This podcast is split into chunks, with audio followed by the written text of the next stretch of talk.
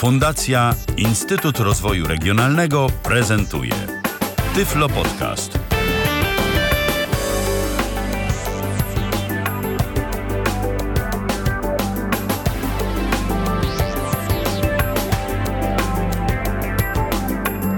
Rozpoczynamy kolejne spotkanie z audycją Tyflo Podcast na żywo. To jest Tyflo Radio. Radio e, przede wszystkim stworzone z myślą o osobach niewidomych i niedowidzących. E, tu pojawiają się audycje właśnie dotyczące tej grupy użytkowników komputerów, ale nie tylko o komputerach mówimy. Mówimy o różnych rzeczach. E, poruszamy naprawdę szerokie spektrum tematów. Ci wszyscy, którzy słuchają Tyflo Radia albo odwiedzają pierwszy polski podcast dla niewidomych www.tyflopodcast.net doskonale o tym wiedzą zapraszam przy okazji, jeżeli ktoś na przykład słucha nas e, w tym momencie na antenie Tyflo Radia i nie bardzo wie, co to jest Tyflo Podcast, zachęcam do odwiedzenia naszej strony internetowej www.tyflopodcast.net. Coraz więcej audycji, przede wszystkim z anteny Tyflo Radia właśnie tam się pojawia. A dziś w poniedziałek 12 października po godzinie 19 rozpoczynamy kolejne spotkanie mm, z audycją Tyflo Podcastu na żywo i rozpoczynamy kolejną audycję na bardzo interesujący temat. Dziś e, mówić będziemy o programie, który nazywa się GR GR Mapa. Witam bardzo serdecznie moich dzisiejszych gości. Witam autora GR Mapy Grzegorza Złotowicza. Grzegorza Złotowicza. Witaj Grześku. Dobry wieczór. I witam także dzisiejszego demonstrującego e, GR Mapę, czyli Tomka Bileckiego. Cześć Tomku. Dobry wieczór, cześć Cześć i czołem, tak. Kiedyś w takim, tak, pro... Kie... tak, kiedyś w takim programie oni się tak żegnali. Kulfon z Moniką w ciufci bodajże. Cze... Cześć i czołem się żegnali, a my się witamy. W każdym razie, dziś o GR Mapie będzie e, program bardzo interesujący. E, zanim przejdziemy do jego demonstracji, to pozwolę sobie zadać kilka pytań autorowi e, programu. Grześku, powiedz w ogóle skąd pomysł na stworzenie GR Mapy? Bo zawsze to mnie zastanawia, kiedy ktoś stworzy jakąś taką aplikację nie tuzinkową, a udźwiękowionych y, programów do poruszania się po mapie, no nie ma w końcu tak, tak wielu. Nawet nie wiem, czy jeszcze w ogóle jakieś programy robią ci konkurencję. Zastanawiam się, co kieruje autorem. Mm, a co tobą kierowało? Skąd pomysł? To znaczy, może najpierw trzeba by parę słów powiedzieć, chociaż y, dla tych, co nie wiedzą, chociaż myślę, że już wszyscy wiedzą, co to jest GRMAPA. Y, więc jest to program, w skrócie mówiąc, który no, ilustruje przestrzeń geograficzną za pomocą e, zamiast grafiki e, posługując się e, dźwiękiem przestrzennym i tekstami wypowiadanymi przez oprogramowanie czytające ekran. No czyli właśnie taka mapa dla niewidomych, powiedzmy, no nie, nie Google Maps, nie OpenStreetMap, no ale w każdym razie właśnie takie gadająca i, i brzęcząca mapa. Y, pomysł oryginalny rzeczywiście jest w tym sensie, że mm, jest to chyba jedyny program, jaki znam, który w miarę dobrze działa, no plus minus. Natomiast sama idea oryginalna aż tak bardzo nie jest. Jak znacie albo kojarzycie, a jak nie, to warto sobie sięgnąć taką grę Shades of Doom. To jest taka no, kanadyjskiego chyba autora produkcja. No to mając w tym momencie, to jest to taka też gra dźwiękowa, w której zostało użyte właśnie przestrzenne mm, prezentacje pomocą dźwięku rozmieszczonego przestrzennie. No i to jest właśnie taki punkt wyjścia, to mnie jakoś tam kiedyś zaintrygowało, że, że to tak można zrobić i, i w sumie bardzo fajnie, naturalnie to potrafi działać. Natomiast jeżeli chodzi o powstanie, przejście z jakiegoś wirtualnego środowiska E, wymyślonego dla potrzeby gry e, miejsca, które jest tam ilustrowane dźwiękowo do przestrzeni rzeczywistej, no to oczywiście podstawową rzeczą są dane e, mapowe, na których program powinien działać. No i tutaj jest świetny projekt rozwijany przez pasjonatów no spoza, spoza naszego środowiska, projekt na otwartych licencjach, mapy głównie Polski, chociaż też trochę o zagranicę się ocierają. Projekt pod nazwą UMP, czyli Uzupełniająca Mapa Polski. E, no i jest to, e, jest to zbiór danych e, stale ulepszany, który gromadzi no, punkty, jakie już kilka lat temu udało mi się pozyskać, pozyskać dla Loadstone'a, ale również linie, obszary, czyli te wszystkie informacje mapowe. Ta mapa jest też rozrysowywana na www tego projektu, także dane są, E, pomysł jest, no i tylko pozostało połączyć te dwie rzeczy w całość, napisać program, który to będzie ładnie dźwiękowo ilustrował. I tutaj też niestety nie byłem o tyle debiutantem, że najpierw długi czas się zmagałem z kwestią, czy czy jestem w stanie ogarnąć ten temat, bo to jednak jakiegoś aparatu matematycznego wymaga w głowie, żeby pewne rzeczy wykonać. I miałem nadzieję, że uda mi się mądrzejszych na to namówić, żeby coś takiego napisali, ale się nie udało. Natomiast znalazłem w sieci czas jakiś temu y, taki program y, Team, T-E-A-M, crossforge.net albo team.net. Y, to jest program te działający właśnie taka udźwiękowiona mapa, tylko że bazująca na e, danych z serwisu OpenStreetMap i różni się tym od Gmapy, że Gmapa w miarę działa, a ten e, team właśnie kiedyś to chodziło, teraz chyba jakby coraz gorzej i praktycznie w ogóle to nie działa. Też jest trochę inna filozofia przyjęta przy, e, że można podążać, nie można oglądać całej mapy w sposób jakiś tam własny, tylko można podążać wzdłuż narysowanych ulic, które tam skręcają pod niewielkim kątem, program to nie zawsze oznajmia i efekt jest taki, że później łatwo zgubić orientację. No ale jakiś tam, jakaś przymiarka jakiegoś autora była, więc też no, można powiedzieć, że Grmapa jest pierwszym produktem, który w miarę funkcjonuje, ale za to nie obsługuje zagranicy, bo bazuje na UMP, a nie OpenStreetMap, ale pewnie o tym sobie powiemy w dalszej części. Czyli za pomocą grmapy czy giermapy? Jaka jest y, właściwa forma y, nazwy tego programu? Tak jeszcze rozjaśnijmy. Grmapa, bo jest grmapa. to dwie sylaby, giermapa byłyby cztery, więc po prostu szybciej, krócej jest niewątpliwie powiedzieć grmapa. E, no ale jak to ma tutaj żadnego. No niestety mm, mamy jakieś problemy na łączu, bo co jakiś czas y, przycina cię troszeczkę, no ale miejmy nadzieję, że jakoś uda nam się jeszcze porozmawiać y, na temat grmapy. Y, to ja w takim razie zapytam o technologię. Wspominałeś już, że coś cię inspirowało. Inspirował cię chociażby ten program Team, którego, który był gdzieś tam czymś, co mniej więcej było takie, co, co chciałbyś zawrzeć w grmapie, ale czy to było tak, że na przykład korzystałeś z jakichś bibliotek chociażby z tego teamu, czy, czy wszystko pisałeś od samego początku, a po prostu y, to było tylko dla ciebie jakąś taką inspiracją? No, team był inspiracją niewątpliwie, y, czy, y, znaczy w technologii innej, bo on był w Pythonie napisany, czyli nie, y, w, w C++ jest napisany, ja się posługuję Free Pascalem, więc to są całkiem odmienne języki. Natomiast w dwóch rzeczach y, rzeczywiście zaczerpnąłem z programu i nie boję się o tym wspomnieć, pomysły na to, jak rozwiązać problem dźwięku, e, czyli właśnie, żeby użyć biblioteki OpenAL, która też y, właśnie w tym programie była użyta. I e, a propos bazy dźwiękowej, którą skompletowałem na e, portalu freesound.org, freesound.org, czyli takiej wielkiej kolekcji różnych dźwięków tworzonej przez pasjonatów, przez użytkowników internetu. Jakby wszystko znaleźć, ale nie wszystko, natomiast ta baza dźwiękowa w dużej mierze pochodzi właśnie z FreeSound. Czyli stworzyłeś gremapę w Pascalu, tak? To jeszcze taka propos technologii. No tak, pro, język programowania Pascal, do tego biblioteka Screenreader API, w tym momencie nie pamiętam autora, ale jest to tam w podręczniku do programów, dokumentacji jest to napisane taka biblioteka, która pozwala się łatwo i wygodnie komunikować z programami odczytu ekranu. E, no plus, plus świetna baza e, w domenie publicznej, silnik bazodanowy SQLite jako trzeci komponent. E, CURL, czyli też taka znana biblioteka do pobierania z internetu. I z grubsza to chyba wszystkie. No i ten free, OpenAL, czyli też otwarta biblioteka audio przez Creativa swego czasu rozwijana. E, wspomniałeś o bibliotece Screenreader API. Mm, czy to jest tak, że aby z Grmapy korzystać, musimy mieć zainstalowany na naszym pokładzie mm, jakiś czytnik ekranu, choćby darmowe NVDA? Czy ta biblioteka także potrafi jakoś się komunikować e, z naszą syntezą SAPI? Jak to jest? Potrafi też wypowiadać, jeżeli nie ma żadnego screenreadera, który ona by potrafiła wykryć, a obsługiwane są trzy, czyli NVDA, E, Windows IC JAWS. Jeżeli żadnego z nich nie wykryje, to wtedy można i jest to ustawione w grmapie, e, żeby gadała przez, e, przez SAPI 5.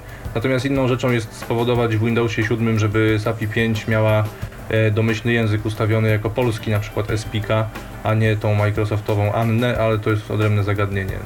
Zgadza się. A co y, mogą spodziewać się, czego mogą spodziewać się po grmapie użytkownicy y, słabowidzący albo też zupełnie dobrze widzący, którzy być może zainteresowani tą audycją chcieliby spróbować? Czy mogą liczyć, liczyć na jakieś wizualne odwzorowanie tego, co słyszą, czy to jest program, który bazuje tylko i wyłącznie na dźwięku? Znaczy, właśnie trochę uprzedziłeś temat, yy, to bardzo rozwinąłeś pytanie, Michale, chciałem powiedzieć, że mogą się spodziewać dużej niespodzianki, a mianowicie polegającej na tym, że po uruchomieniu programu widzimy tylko pasek tytułu i pasek menu, z którego można coś wybrać. Cała reszta obszaru roboczego jest pusta, ponieważ grafiki żadnej tam nie ma i najprawdopodobniej nie będzie. To znaczy, takie sugestie się pojawiały od użytkowników, żeby to zrobić, yy, no ale to musiałbym kogoś pewnie zaprosić do współpracy, yy, żeby tą grafikę tam jakoś, e, jakoś wprowadzić chociażby w podstawowym e, zakresie. Natomiast wyszedłem z założenia, że jeżeli ktoś jest w stanie się posługiwać grafiką, to znaczy widzieć grafikę na monitorze, to ma mnóstwo fajniejszych rzeczy i bardziej rozbudowanych, no czy, czy OpenStreetMap, czy właśnie tą mapę na, przez www na stronie umpwaw.pl no czy tam Google Mapy, Bing i całą masę jeszcze różnych innych usług, z których można korzystać. Te mapy sobie można powiększać w trybie pełnoekranowym i tak dalej, więc to Y, dla osób patrzących tu są y, możliwości, których ani y, nie zamierzam, ani nie byłbym pewnie w stanie tym możliwościom dorównać, więc nawet nie próbuję. Zgadza się. A y, jak to jest, jeżeli chodzi o dane? Bo ty wspomniałeś, że y, Grmapa pracuje z mapami UMP, tak? Y, jeżeli dobrze pamiętam. E, dokładnie tak. E, dane mapowe pochodzą z projektu ump.waw.pl. A czy to e, jest tym... tak, że na przykład jeżeli użytkownik chciałby sobie wczytać jakiś konkretny własny wycinek, jakąś własną mapę, skądś posiada ją, nie wiem, czy na przykład yy, jakieś punkty z Loadsona chciałby tam nanieść, albo z jakichś innych programów, to czy ma taką możliwość, czy musi bazować tylko i wyłącznie na tych mapach UMP? bo to jest jakiś jeden konkretny format. Znaczy, format jest wewnętrzny programu i teoretycznie nic nie stoi na przeszkodzie, żeby e, generować swoje mapy, natomiast same punkty to jest co najmniej 90% za mało danych do tego, żeby ta mapa miała sens. No bo najbardziej istotną, czy przynajmniej bardzo istotną rzeczą są linie i obszary, których no, na punktach się, na samych punktach się nie opisze. No i teraz jeżeli chodzi o punkty z Lowstone'a, to można sobie je wczytać poprzez funkcję mm, wczytywania zakładek, to o której sobie pewnie też za chwilę powiemy i wtedy te zakładki użytkownika pojawiają się na, na tej mapie, która jest otwarta. Natomiast takie pełnokrwiste dane mapowe, no to jest właśnie to są punkty, linie i obszary. E, pochodzą z, e, jak już mówiłem, z projektu UMP, natomiast fajną też rzeczą i bardzo pozytywną inicjatywą jest e, taka kwestia, że te mapy te dane jakby z wersji surowej do wersji takiej, którą Grumapa jest w stanie połknąć, wymagają mm, specjalistycznego przetworzenia tam mm, kilkoma narzędziami do takiego formatu obsługiwanego przez program. I początkowo było założenie takie, że no, co jakiś czas będę po prostu udostępniał na stronie programu te mapy y, do pobrania, natomiast po poinformowaniu e, załogi e, tworzącej projekt UMP okazało się, że jeden z ich nich operatorów, Tadeusz, zaproponował, że na swoim serwerze prywatnym postawi uruchomi proces tego generowania e, map dla grmapy w taki sposób, żeby no, użytkownicy programu mogli mieć dostęp do najświeższych wersji, tak jakby praktycznie z dnia na dzień, czyli w momencie, kiedy dzisiaj jakiś nowy punkt, czy nowe miejsce, albo ktoś coś dorysowuje, jutro to się pojawia na mapie i właściwie y, też następnego dnia już można sobie pobrać, prawdopodobnie będzie można sobie pobrać to w aktualnie, więc to jest świetna sprawa, że praktycznie mam z tego projektu w czasie rzeczywistym.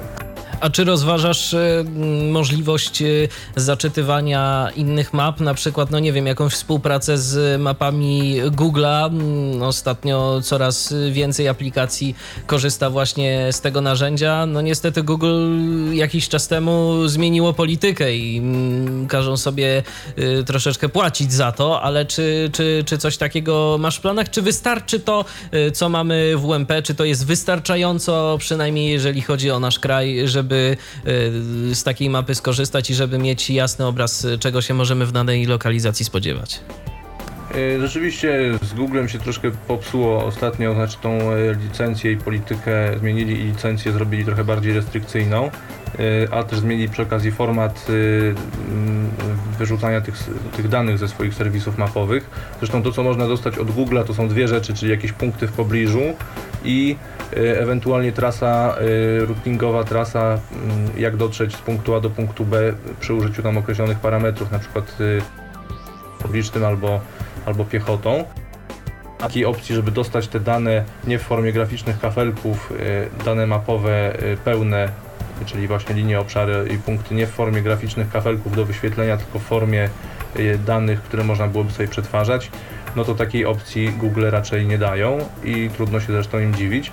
Natomiast no, dużym projektem otwartym jest ten projekt OpenStreetMap, który tak się też losy potoczyły, że E, OpenStreetMap jest, no, ma świetne, świetne pokrycie e, terenu i, i fajnie się rozwija na e, obszarze zagranicznym.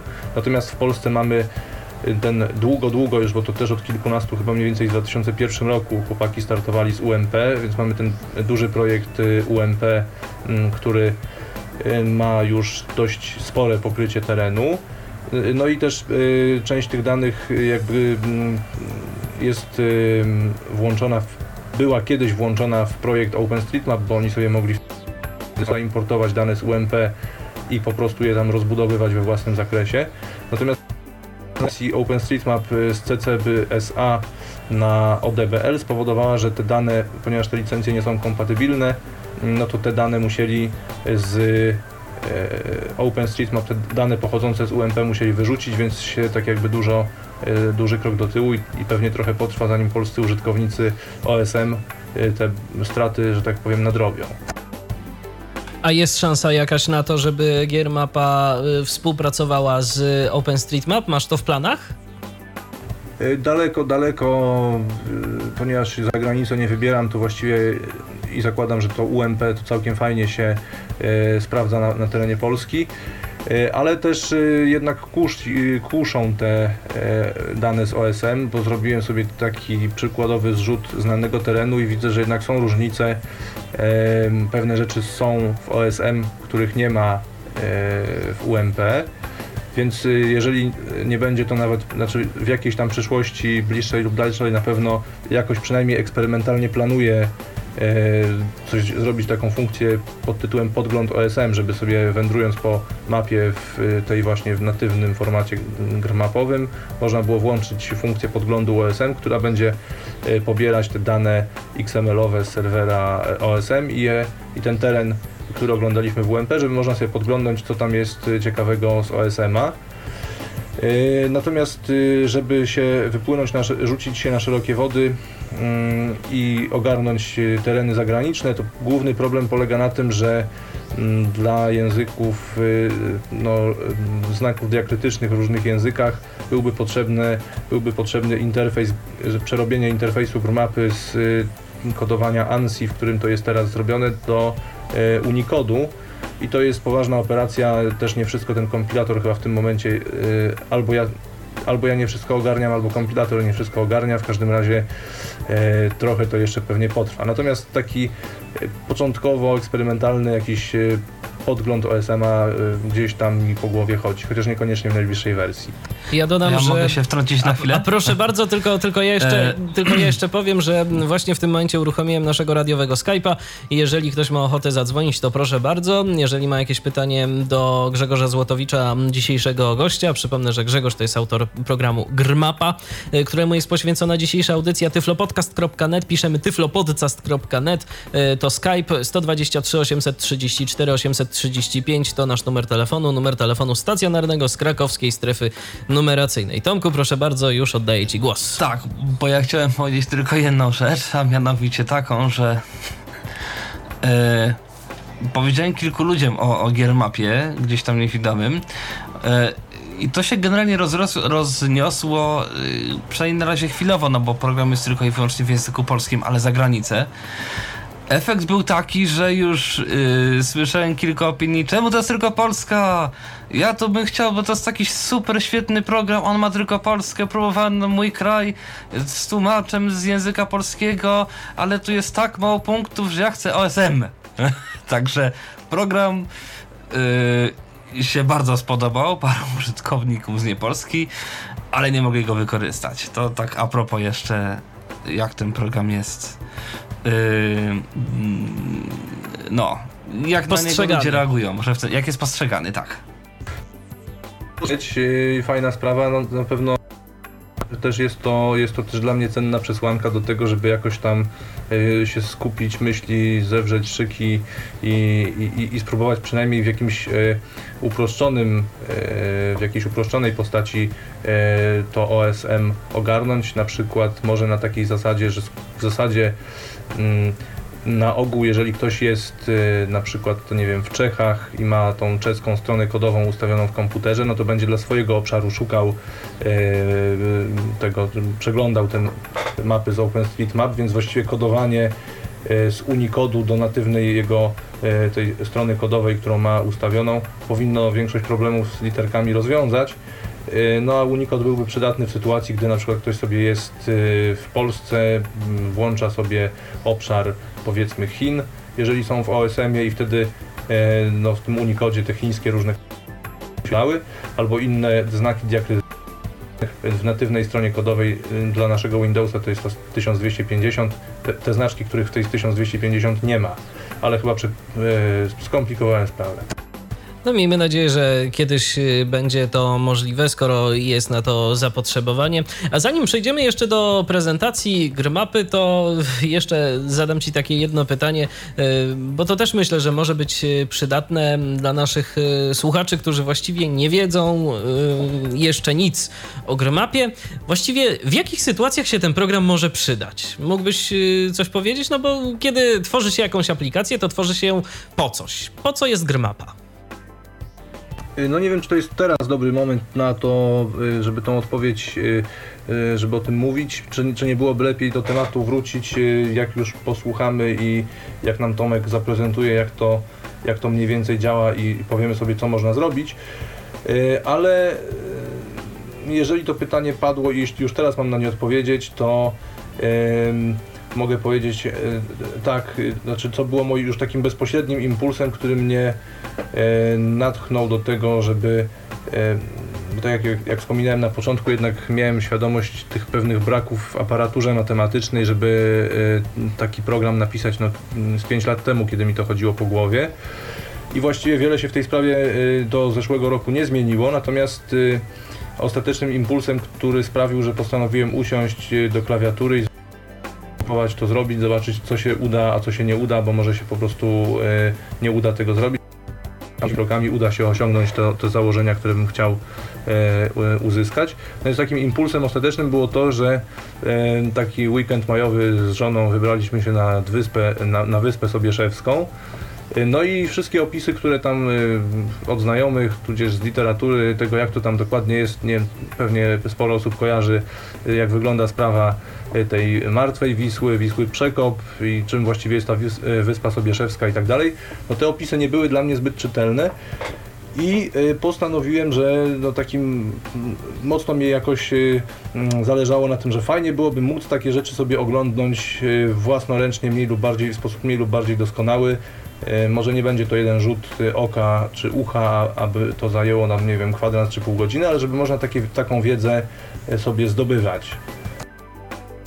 Rozumiem. No. E, to, było, to, to jest jedno jakby zastosowanie, e, natomiast że e, równie, równie jakoś tam przydatna i potrzebna mniej lub bardziej, no to jest taki temat, że można sobie stworzyć na podstawie, znaczy ponieważ mapa, a dokładniej te dane mapowe z UMP zawierają sporo informacji o szlakach turystycznych, no to też pomyślałem, że fajną sprawą byłoby móc sobie wytyczyć trasę e, na przykład przez las, czy w Szklarskiej Porębie na Szylenicę, bo też tam żeśmy byli z grmapą, no więc wytyczyć sobie trasę szlakiem turystycznym od jakiegoś punktu wyjścia, na przykład na, na albo gdzieś do jakiegoś punktu drogą leśną i mieć tą wiedzę, stworzyć sobie punkty kontrolne do Loadstona, które będą na tej trasie rozmieszczone na przykład co 100 czy 200 metrów i od punktu do punktu metodą y, już później w czasie rzeczywistym, w terenie, bez grmapy, ale z tym zestawem punktów przygotowanych w Loadstone, żeby móc sobie tą trasą podążać. No i to jest też coś, co nam się fajnie sprawdza i to po prostu działa. Dobrze, zatem myślę, że nie ma. Ja mam jeszcze kilka zastosowań takich zupełnie z praktyki, bo ja używam programu dosyć często. Jak jadę sobie gdzieś w miejsce jakieś nieznane, to znaczy chodzi mi tu o Warszawę, bo w Warszawie to jest dosyć dobrze zrobione. Tam są praktycznie wszystkie przystanki podane ZTM-owe, autobusowe i tramwajowe. Mam gdzieś jechać, mam podany adres, sprawdzam sobie jaki jest najbliższy przystanek, gdzie on mniej więcej jest, czy po, po wysiadce z autobusu mam iść w tą stronę, tą samą stronę, czy, czy w drugą stronę, czy mam przejść przez ulicę, czy raczej nie. No bo to też tak trochę jest. Wysiadam z autobusu. Nie ma nikogo na przystanku. Albo jest jakaś jedna osoba. Przepraszam, gdzie tu jest ulica jakaś? Eee, wie pan co? Bo ja tu jestem pierwszy raz to, to wie pan, może pójdziemy kawałek. No i tak cię można czasem trochę pospacerować. Tak przynajmniej wiemy mniej więcej, w którą stronę iść, gdzie iść, no i powiedzmy wpisać sobie punkt jakiś do już ostateczny, w związku z czym mniej więcej mam, mam te informacje. Informacje o nawet powiedzmy czasami okazuje się, że nie wie się jakiś prostych rzeczy. Powiedzmy, nie wiem, ma gdzieś jechać, yy, do jakiegoś miasta. Chciałbym poznać mniej więcej układ takich najważniejszych zupełnie ulic, powiedzmy. Nie wiem, żeby po prostu wiedzieć, nie wiem, yy, w różnych, nie wiem, gdzieś tam jadę właśnie, no i chcę wiedzieć po prostu, żeby, żeby mieć pojęcie, jak mi ktoś powie, że to jest, yy, wie pan, jak pan będzie szedł tą ulicą, to, to, to, to do tej ulicy, to ja mniej więcej wiem, w którym to jest kierunku, wiem mniej więcej jakby o co chodzi. No tak, dawniej mając y, Loadstona, no to mogliśmy bazować na punktach, tak? I były powiedzmy też z UMP skrzyżowania różnych ulic, ale zawsze był problem, jak sobie wyobrazić tą, y, tą dużą część pomiędzy skrzyżowaniami. Czy ta ulica no tak naprawdę idzie prosto, czy ona gdzieś zakręca. Y, no a tutaj w Grymapie mamy to, co praktycznie te same dane, które ma użytkownik patrzący na, na ekran, czyli po prostu tą siatkę dróg jakieś tam ważniejsze punkty, no skrzyżowania, e, punkty adresowe, o których Tomek też wspominał, czy właśnie czy przystanki autobusowe, których też jest e, całkiem sporo. Przy czym to jest nieraz z taką dokładnością podawane te przystanki, że one wiadomo, że są za skrzyżowaniem, przed skrzyżowaniem. Czyli wiadomo, że trzeba przejść przez ulicę do jakiegoś punktu. Że wiadomo, że tu nie powinno być żadnej ulicy, że coś tam. Są czasami takie informacje, które niby nie są przydatne, a potem nagle się okazuje, że kurczę, fajnie y, to działa. Nieraz sobie na przykład mm, pat, patrzę w, powiedzmy, nie wiem, mam jakąś stałą trasę, którą, którą chodzę. A potem się okazuje, że wzdłuż tej stałej trasy jest tu jakiś McDonald's, tu jakiś sklep, tu coś jeszcze zaznaczone na tej mapie, zwłaszcza w momencie, kiedy Google Maps straciło dla nas przynajmniej taką jedną funkcjonalność, którą strasznie często wykorzystywałem, teraz już jej nie ma. Więc... Yy i narzędzie takie do Losona, które na tej funkcjonalności się opierało głównie. To się zgadza. Które, które? Yy, jak to się nazywało? Yy, nie Gogodę, to Grote? Groot. A, no tak, Groot. też miałem okazję Groot. kiedyś to, kiedyś to wypletać narzędzie, w PHP jednego popołudnia świetne narzędzie i jak tak naprawdę go nie było, to jakby czasami mi dosłownie prawie ręki zabrakło, no bo wtedy tak naprawdę nieraz jak powiedzmy jechałem na jakąś ulicę, wiedziałem, że tam pobędę 3-4 godziny, chciałem coś zjeść potem. No i co? Dobra, oczywiście można się zawsze pytać przechodniów, przepraszam, czy jest jakiś McDonald's albo coś, ale no tak to sobie mogę sprawdzić w grucie, yy, wpisać adres, sprawdzić jakie są najbliższe w ogóle miejsca, tu się okazało, o, tu jest jakiś sklep blisko, coś co osoba widząca widzi po prostu po szyldzie, który jest. A ja tak naprawdę w momencie, kiedy przejrzałem tego, te, tą, tą mapę, tak ten Google na tych mapach ma sporo tych punktów, na tyle, że rzeczywiście tam jak na przykład patrzyłem u siebie w miejscu zamieszkania, to jest no taka dosyć mała miejscowość, no to yy, może nie wszystkie, ale sporo tych usług yy, osiedlowych tam było. No to rzeczywiście, to też y, jest y, przydatna rzecz, no i temu również może... No była, powiedzmy. No właśnie. Znaczy była przydatna, Była, była. ale dla pasjonatów programowania mogę powiedzieć, że te API Google'owe się zmieniło, ale ono jest cały czas dostępne. Tym, że ja już tak nie bardzo mam motywację, żeby się tym yy, zajmować, bo też te wymogi licencyjne są takie, że można by to narzędzie tak jakby przywrócić do działania, ale to chyba byłoby troszeczkę nie do końca zgodne z tą licencją Google'ową, więc, yy, ale jeżeli ktoś by sobie chciał schakować system na własne potrzeby, to jakby drogę ma otwartą. Yy, problem tam polega na tym, że z tego co ja kojarzę, wymogi jest to, że jeżeli są prezentowane jakieś dane z Google'a, czyli taki plik na przykład logstonowy, to musi być napisane, że to pochodzi z serwisu Google. Znaczy to nie może nie jest jakiś straszny wymóg, tylko że na przykład w logstonie, czy tam w innych, y, w takich, w bazie takich y, punktów y, wokół miejsca, no nie ma gdzie tej informacji upchnąć. I tu jest na przykład taki problem. I jest problem z licencją. Mhm. No Teoretycznie dobrze. można wtedy generować dwa pliki, z których jeden będzie info.txt. Te punkty pochodzą z mapy Google. I sprawa załatwiona. Dobrze, słuchajcie, to No bo tak się nieraz robi No przecież. tak, Jak zgadza jakieś się. te, to potem jest jakiś pliczek, który, w którym jest Skąd informacja pochodzi? Ale słuchajcie, ja, znaczy ja to jednak mimo wszystko, ale, znaczy Google to nie bardzo, znaczy nie żałuję o tyle, że to i tak były dane, y, to nie były, znaczy y, ich było sporo tam tych punktów, ale to tak na zasadzie połączenia tej ich funkcji geokodowania adresu z funkcją listy firm, tam z panoramy firm czy z innych źródeł, które oni y, mieli dostęp, więc to tak nie były tak do końca rzeczywiste punkty.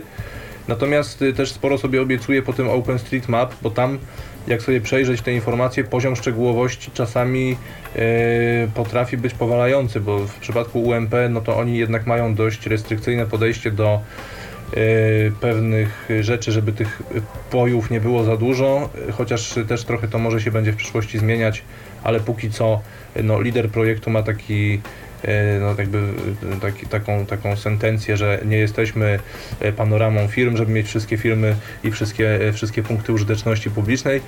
No ale też użytkownicy już naciskają na to, żeby jednak tych punktów, żeby zbierać po prostu w różnych innych kategoriach i to się może będzie w samym UMP też zmieniać.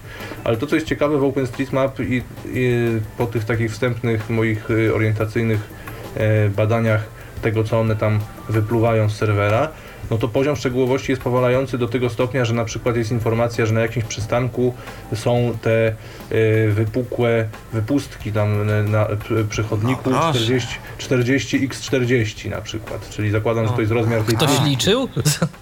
E, No Ciekawe. pewnie tak plus minus. Podejrzewam, no że są pasjonaci, którzy nie takie Standardy. rzeczy liczą. No tak, bo, Dokładnie, bo no, jeszcze, bo jeszcze od razu, bo jeszcze od razu może jedna, kolejo- jeszcze od razu zapytam o jedną rzecz. OpenStreetMap i yy, UMP to są projekty bazujące na mm, po prostu wolontariuszach, tak? To, to, to nie jest to, że jest odpowiedzialna za to jakaś konkretna korporacja, to po prostu ludzie zbierają za pomocą jakichś tam swoich urządzeń różnego rodzaju punkty, opisują, wysyłają i się tworzy taka jedna wielka mapa, tak? Dokładnie tak to wygląda w obu, w obu przypadkach. Y, No, różne są narzędzia, trochę inna metodyka. UMP początkowo tak jakby celowało w tworzenie takich y, binarnych plików y, IMG dla nawigacji opartych y, garminowskich odbiorników. Y, Nie tylko samochodowych, ale też turystycznych, no bo Garmin, no to nie wiem jak teraz, ale swego czasu był dość dużym, chyba jedynym potentatem takim produkującym do różnych zastosowań odbiorniki y, GPS-owe. Y, Więc UMP celowało w tego Garmina i to trochę jakby widać w tym, że te ich źródła ta kategoryzacja punktów jest trochę dyktowana przez tą kategoryzację odbiornika Garmina. A OpenStreetMap używa innych danych, znaczy innych narzędzi, y, innych formatów danych i przez to tak jakby mm, mogą do, tak naprawdę dokładać do tej mapy cokolwiek się zechce.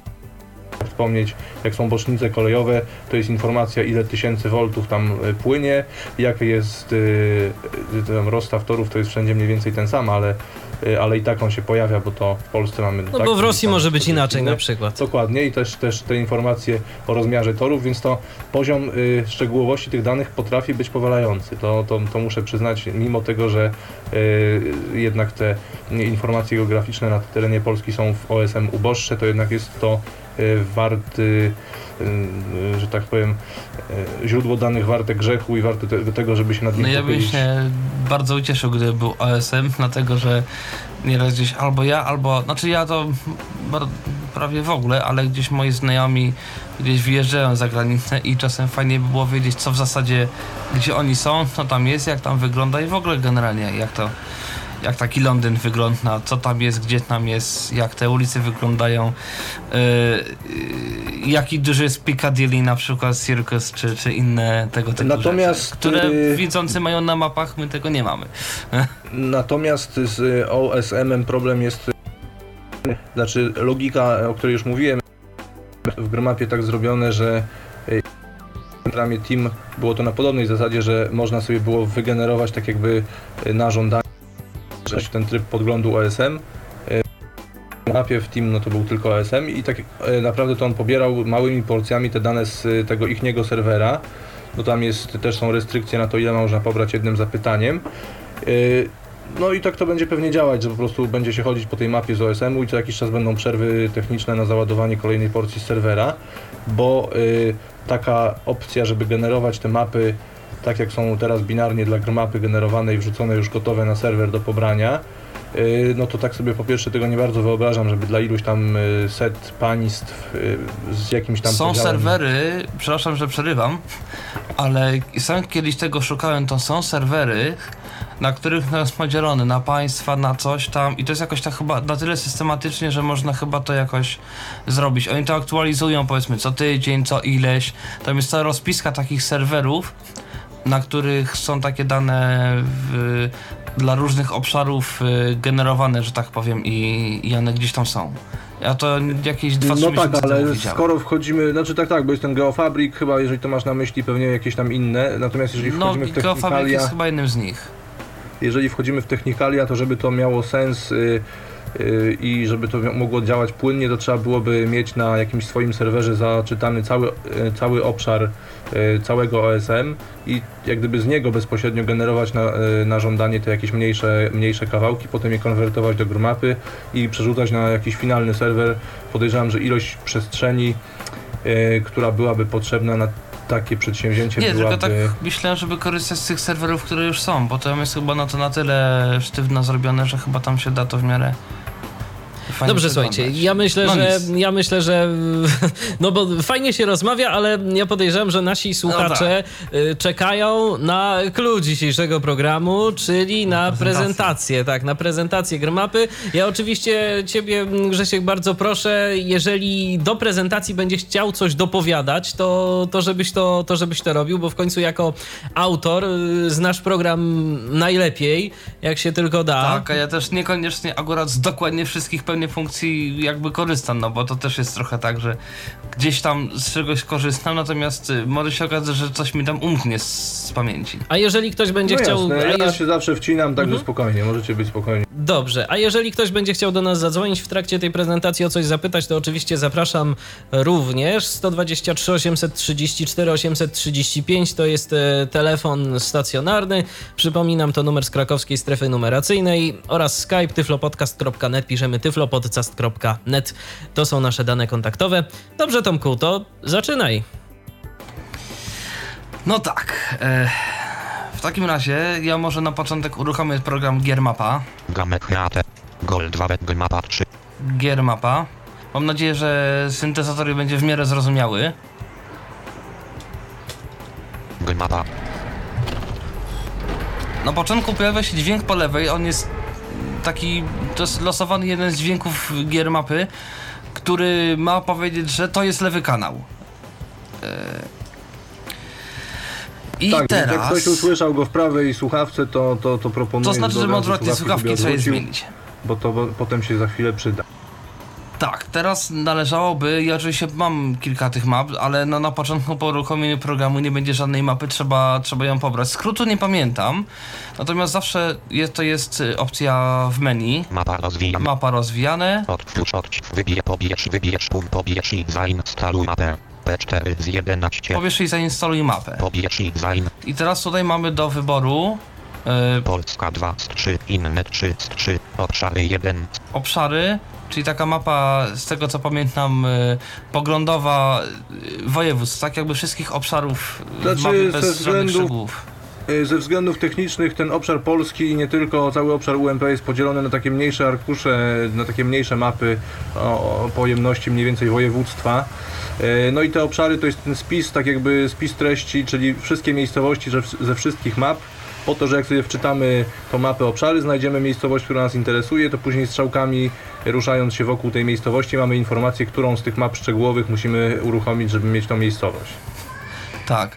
E, Polska 2 z więc ja może wybiorę Polskę na przykład.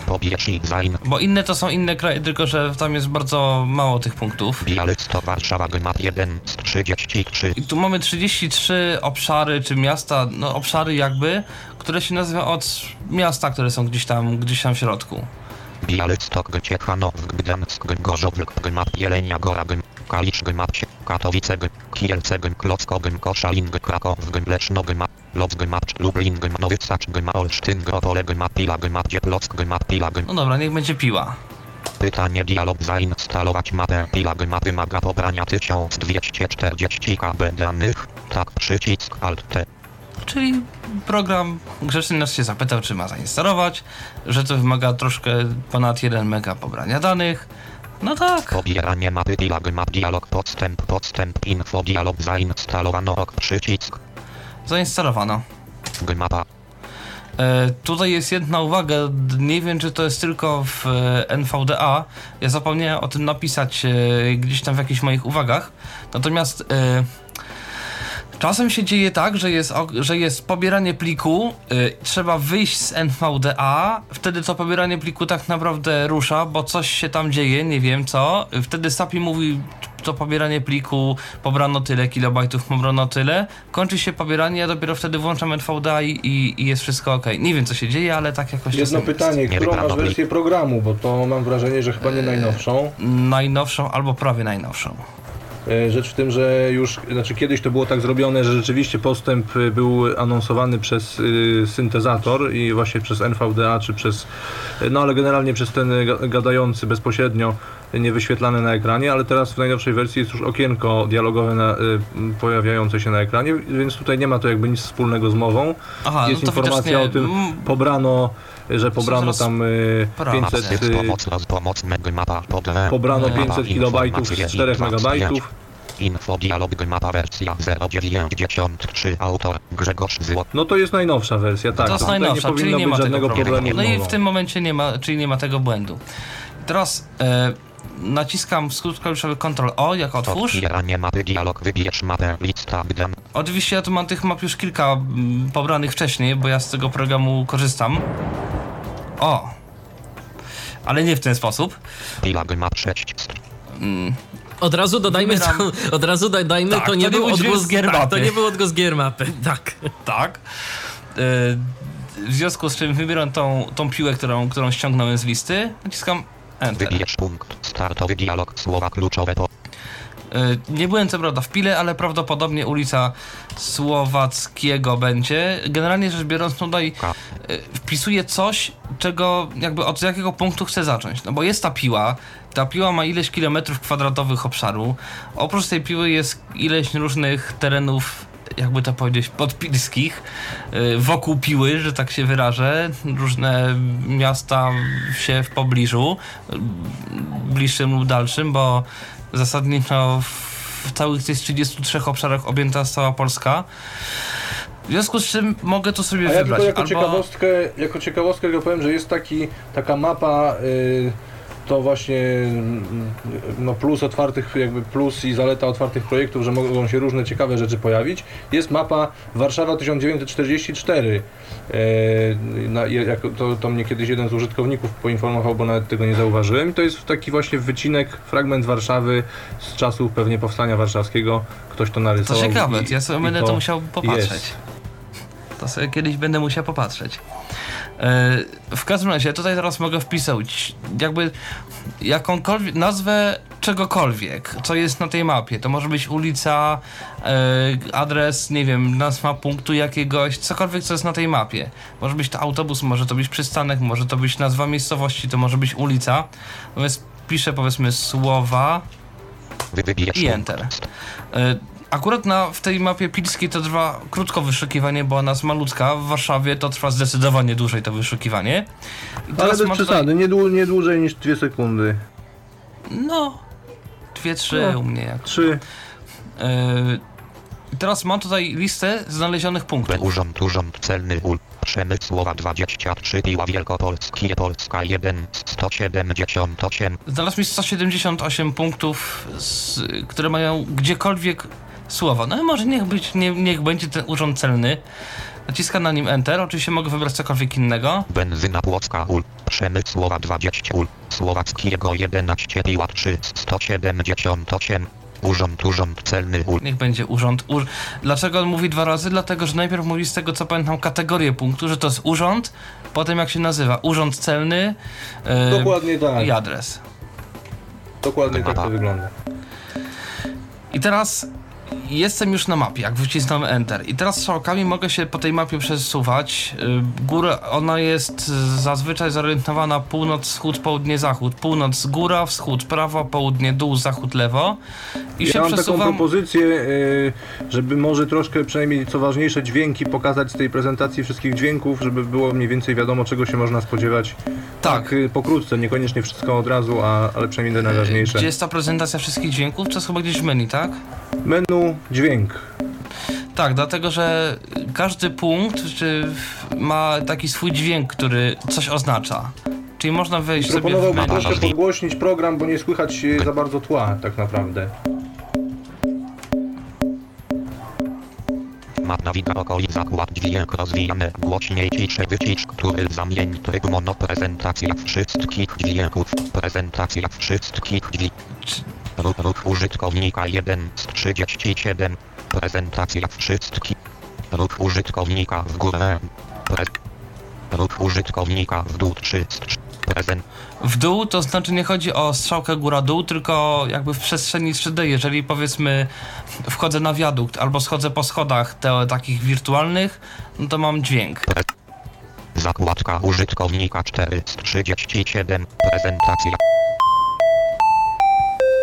telefon do punktu 5 prezent Jeżeli, tele, jeżeli, w punkt, jeżeli jakby w danych a propos tego punktu w, w tym momencie urzędu był telefon, a był telefon, to w momencie kiedy ustawię się strzałką na tym urzędzie będzie dźwięk oznaczający, że jest telefon. atrakcja 6 z 3 prezent To jest już kategoria punktów. Punkty dzielą się na ileś kategorii. Autostrada się prezent. Biblioteka 8 z 3 prezenta. Budowa 9 prezent. Budynek 10 prezent. Droga 11 prezent. Droga piesza 2 prezent. Fabrykat prezent. Jedzenie 4 prezent. Kościół 5 prezent. Plac Strzecna prezenta. Linia zasilania 7 prezent. Market 8 prezenta. Mokradła 9 prezenta. Morze 20 prezent. Most 20 prezenta. Muzeum prezenta. Parking prezent. Plac zabaw 20 prezent. Port 20 prezent. Prom 20 prezentacji. Przystanek autobusowy prezent. Przystanek tramwajowy prezent. Rower 20 prezenta. Sport 30 prezenta. Ja może wyciszę dźwięki u mnie. Tory kolejowe prezent. Tory tramwajowe prezent. Woda płynąca prezenta. Woda stojąca prezent. Inna linia 30 prezent. Inny punkt 3 prezent. Inny obszar prezent. Gmap tyle. E, Wyszedłem z tej prezentacji dźwięków i słyszę, że jestem sobie na jakimś punkcie. Tym punktem jest ten urząd. I w zasadzie wokół nie ma nic, bo nie słyszę żadnych innych e, dźwięków. Więc mogę sobie strzałką pójść sobie na północ. Tak chodzę. Tylko w tym momencie chyba wybrałem sobie jakiś pechowy Proponuję odcinek. skorzystać z tej funkcji linie w pobliżu pod literką L. Wtedy dostajesz info, no jakie są najbliższe. Tak, ale tu już słyszę, że po lewej jest jakaś ulica. Przemysłowa kierunek na godzinę 030. Kierunek na godzinę 0.30, jakby 12.30. Chodzi o to, w którą stronę jakby ta ulica jest skierowana. E, Jeżeli jest on 12.30, czyli w zasadzie jest to na, na północ, e, czyli mogę iść w zasadzie strzałką w górę. Przem, przemysłowa, przemy, przemysł, krzy, skrzyż, przemysłowa 11. Cokolwiek to jest 11. O, i teraz słyszę, że te ulice poszły E, sobie w lewo. Podejrzewam, że droga krajowa numer 11 na przykład. Skrzyż, przemysłowa 11. Przemysłowa kierunek na godzinę 4.30. Teraz nagle słyszę przemysłowa, nie wiem dlaczego skręciła prawie że pod kątem ostrym. Przemysłowa kierunek na godzinę 5. E, Przemy, przemy, przemysłowa, przemysł, I mogę sobie przemysł, przemysł, przemysł, przemysł, jechać tą przemysł, przemysłową przemysł, przemysł, ulicą. Przy okazji, jak się cofnę, to słyszę, że przemysłowa biegnie wzdłuż lasu, który jest po lewej stronie. O, lac, lac, lac, lac, lac, lac, i mogę z powrotem wrócić na tą przemysłową. Przemysłowa, prze- prze- Skrzyż, motylewska, przemysłowa, Jeżeli powiedzmy chcę poszukać czegoś, e, co jest na tej, nie wiem, przemysłowej, motylewskiej i tak dalej, nie wiem, autobusu albo, albo czegoś, mogę sobie poszukać albo adresów w pobliżu, punktów w pobliżu linii, czyli ulic w pobliżu, punktów w pobliżu. punkty w pobliżu, Punkty w pobliżu to jest P, to rada, nie wiem czy tu będą autobusy w Pile, jakiekolwiek tutaj pokazane, ale mogę, mogę zaryzykować. Ale Auto. można też po prostu klepnąć Enter i wtedy wyświetli się wszystko. Tak, mogę, tak, dlatego że jeżeli punkty w pobliżu, jeżeli tu nic nie wpiszę, to on Enter punkty w pobliżu, znajdzie mm, wszystkie punkty jakie są. Urząd, urząd celny ul. Przemysłowa 23 piłat 301 metrów na godzinę 5. Benzyna Płocka ul. Przemysłowa 2 most, most 504 most, most 6 firma Philips King Poland ul. Przemysłowa 29 piłat pliwy 690. Takich wątpliwych punktów jest sporo. Bunkier Tak, te punkty wątpliwe to ja od razu wyjaśnię, bo to jest rzecz ciekawa, ale to są raczej punkty techniczne, e, bardziej dla rysowników, e, dla osób rysujących to jest informacja, że w tym miejscu coś jest nie halo i najlepiej byłoby tam pojechać i jak, będąc tam e, w okolicy najlepiej sprawdzić o co chodzi.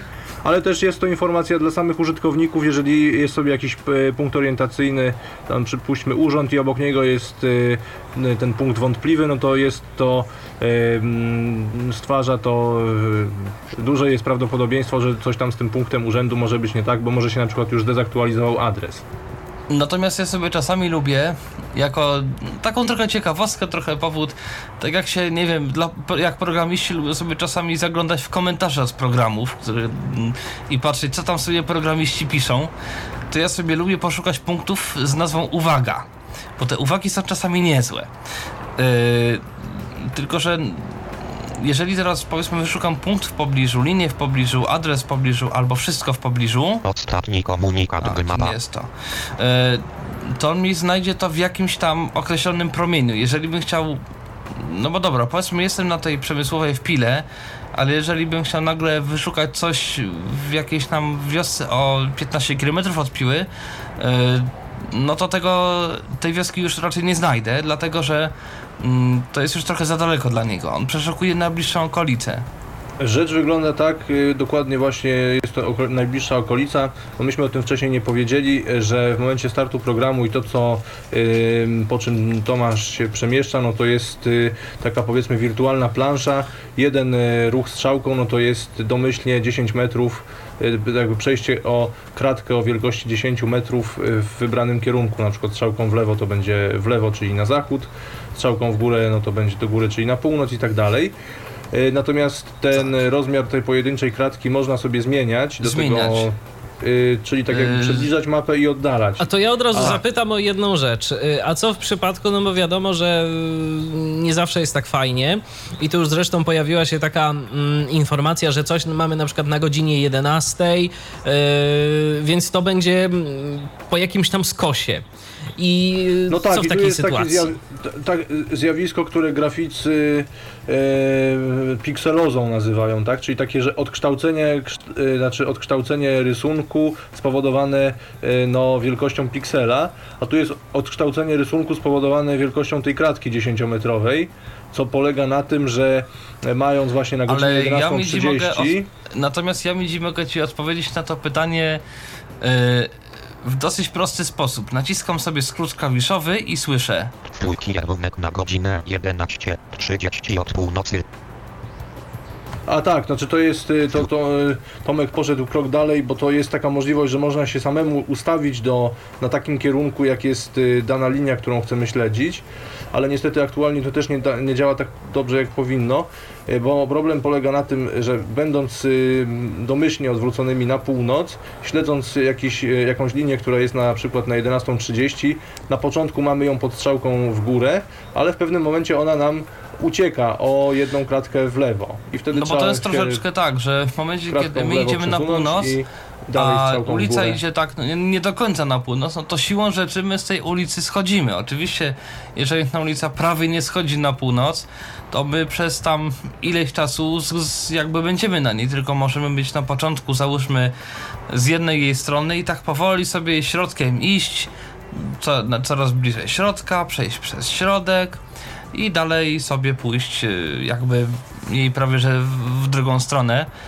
Yy, I wtedy można no, ten kierunek sobie bardziej dokładnie ustawić, ale no. Yy, po pierwsze, ulica może trochę kręcić, po drugie, może być coś takiego, że ulica będzie odrobineczkę tylko na północ, więc na razie chyba nie ma takiej możliwości, żeby iść wzdłuż ulicy. No takiej, e, takiej możliwości rzeczywiście nie ma. E, I tutaj, tak jak mówię, trochę też utrudnia sprawę to, ta przyjęta filozofia, że mamy tą planszę wirtualną i te kratki o wielkości na przykład 10 metrów, można sobie ustawić tam większe, żeby mieć bardziej e, szerszy obszar. No ale to, te dwa założenia, które są przyjęte na starcie, czyli właśnie, że, są, że jest ta wirtualna plansza i że na tą kratownicę wirtualną trzeba nałożyć jakieś tam proste, niekoniecznie będące prostymi, no to to powoduje, że troszeczkę są e, tak jakby mało intuicyjne te, te, te właśnie mając jakąś ulicę e, 45 stopni, e, na, czyli na kierunku na godzinę 10.30, trzeba ją śledzić przy pomocy strzałki w górę i strzałki w lewo na przykład, czyli e, tak jakby podążać, ale to ma e, jedną e, dużą przewagę nad tym modelem, który właśnie w wspomnianym programie Team był użyty, że on e, sam człowieka ustawiał jakby na kierunku danej drogi, E, ale efekt był taki, że jak ta droga minimalnie skręciła i on o tym nie powiedział, no to łatwo było zgubić orientację w, w takim terenie. A tutaj mamy, tak jak patrząc na mapę, sytuację, w której zawsze północ jest w, w określonym kierunku, e, domyślnie jak gdyby przed nami i, to my przemieszczamy się tą strzałką, tym wirtualnym paluchem po mapie, e, więc możemy sobie to dość dokładnie oglądać. Tak, poza tym też zauważyć niestety to pewnie też jest spowodowane tym, że te mapy są tworzone przez wolontariuszy, a nie, a to nie jest jakoś tam super usystematyzowane i tak dalej, że czasami na przykład jest tak, że idzie sobie ulica i nagle jest przesunięta o 3 metry dalej. No nie, to, to raczej wynika właśnie z tego, że się zmienił kierunek, że był, e, jak jest kierunek e, minimalnie odbiegający od północy na przykład, albo od kierunku Nie, znaczy to swoją drogą, tylko chodzi to o to, ona w że... pewnym momencie uskakuje, jest powiedzmy trzy, kratki na uskakuje o jedno pole, trzeba przeskoczyć tak, w prawo. ale nie, to swoją drogą, tylko że powiedzmy, ja już jestem ustawiony wzdłuż tej ulicy, nagle jest powiedzmy skrzyżowanie i ta ulica jest nagle od 10 albo 20 metrów dalej i ona też w zasadzie idzie prosto, e, a potem jest nasza znowu po lewej stronie. Typu, co, coś takiego, że ewidentnie widzę, że ona jest przez chwilę przesunięta. W którą stronę Znaczy oczywiście mogą, to być, mogą to być błędy rysownika, Mogą to być błędy wynikające z tej reprezentacji przestrzeni y, i akurat wszystkie, tutaj wszystkie możliwości są jakoś tam prawdopodobne. Mamy telefon, słuchajcie, Natomiast co więc do- y, to, to Jeszcze- może... Okej, to, to dobrze, Grzesiek, to dokończa, ja po prostu tak Znaczy jeszcze tylko chciałem dokończyć a propos y, y, znaczy map rysowanych przez wolontariuszy, to czy to jest plus, czy to jest minus. Y, no może i jest to minus, bo no, nie robią tego profesjonaliści, więc się mogą zdarzać błędy, chociaż jak pamiętamy profesjonalistom się błędy zdarzają i to grube. Fakt jest taki, że o ile w profesjonalnej mapie na aktualizację po otwarciu jakiejś drogi trzeba czekać, no nie wiem, kilka miesięcy albo pół roku, to na przykład w UNPR często jest tak, że jest otwierana jakiś kawałek obwodnicy, jakiś kawałek drogi i nagle ona już na drugi dzień lub za dwa dni jest dostępna po prostu na mapie. Okej, to teraz odbierzmy telefon, jest z nami Patryk, witaj Patryku, Witam. słuchamy cię. To znaczy tak, y, pierwsza rzecz to jest taka y, wyrazy uznania i wszelkie podziękowania dla dewelopera, czyli dla Grześka, który naprawdę zrobił świetną robotę. Wspaniałą. Zresztą Dzięki, to, to, nie, to, nie, to nie pierwsza zresztą y, taka wspaniała rzecz, która zasługuje na wdzięczność, również silnik do gier tekstowych, którym się również mi sprawił zabawę, ale to nie, nie na ten nie na tą audycję temat. A ja myślałem, że tego nikt nie używa, nawiasem mówiąc, a jednak A ja to, to miło słyszeć, miło Używam. słyszeć, tym bardziej. To znaczy tak, ja, się, y, ja chciałem powiedzieć taką, mm, znaczy w zasadzie y, jest jedna rzecz, której nie rozumiem i która jest dla mnie ym, niejasna. I czy na przykład byłaby możliwość, żeby zmienić ją? Na przykład jak jest, jestem sobie jakiś tam punkt. No i na przykład on mi mówi tam, y, pierwsza rzecz na przykład ulica, na przykład Kochanowskiego 13. No i ja nie bardzo wiem, czy to jest budynek, na przykład numer jakiegoś budynku. Pod spacją, jest... pod spacją jest ta informacja, że to jest, czy to jest adres, czy to jest y, restauracja, Mhm. czy to jest ten, to to info jest pod spacją, ale jeżeli jest Aha. sama informacja, że coś jest ulica Słowackiego 4 i nie wiadomo, y, nie ma żadnej nazwy innej podanej, to najprawdopodobniej jest to adres. Zresztą też słychać po dźwięku, ten dźwięk otwieranych drzwi oznacza adres lub budynek, ale też te szczegóły można uzyskać pod spacją i wtedy on podaje tą kategorię punktu. Mhm, ale na przykład, y, no bo rozumiem, że na przykład jakiś punkt jest położony tam na przykład na godzinie tam na, na dziesiątą, nie? No tylko, y, to, że jeżeli na przykład tam ode mnie jest na tam na 11 czy coś, no to wiadomo, że tam y, trzeba iść, trzeba iść w prawo. Tylko na przykład nie rozumiem tych na przykład 11, nie wiem, 30. y, Tych, tych, tych drugich cyfr nie rozumiem, znaczenia tych cyfr. To jest Jakoś- coś jakby bardziej dokładna godzina, bo no bo pomiędzy jakby 11 a 12 teoretycznie można wyróżnić 11, 15, 30, 45 i tak dalej, i tak dalej. Tak jeszcze te fragmenty godziny, to nie jest co, co godzinę, 1, 12, pierwsza, druga, trzecia i trzecia to jest 90 stopni, tylko między 11, 12 a pierwszą jest jeszcze 12.30, tudzież 0.30. Czyli taka połówka pomiędzy dwiema godzinami. No tak, chociaż y, d- dzięki, dzięki temu mamy zamiast jak gdyby 12 możliwych kierunków, y, czyli dokładności z dokładnością do 30 20 stopni. par- Tak, 30 stopni to Mamy, jest 15 mamy, stopni. mamy tych kierunków 24, które program może wyróżniać, czyli dokładność do 15 stopni i to tylko o to Ta, chodzi. tylko właśnie, jak sobie to tak na przykład wyobrazić, że coś na przykład tam jest na prawo ode mnie, no to mam rozumieć, że to jest tak, tak nie całkiem na prawo, tylko tak jakby troszeczkę jeszcze, bo właśnie ja się na tym, ja wiem o Coś co takiego. chodzi, tylko ja Ewentualnie. Ewentualnie można by zrobić coś takiego, jak teraz mi to przyszło do głowy, yy, że może faktycznie niektórym użytkownikom to by pomogło, dlatego że niektórzy mają jakby różne ustawienia, załóżmy w tym, no powiedzmy tutaj Lostonie, yy, bo tam jest z kolei ta informacja, że na północny wschód, na wschód i tak dalej, to można wybierać, żeby czy Tak, też to już tego też, typu... też jest to na warsztacie, ale mam do Patryka pytanie.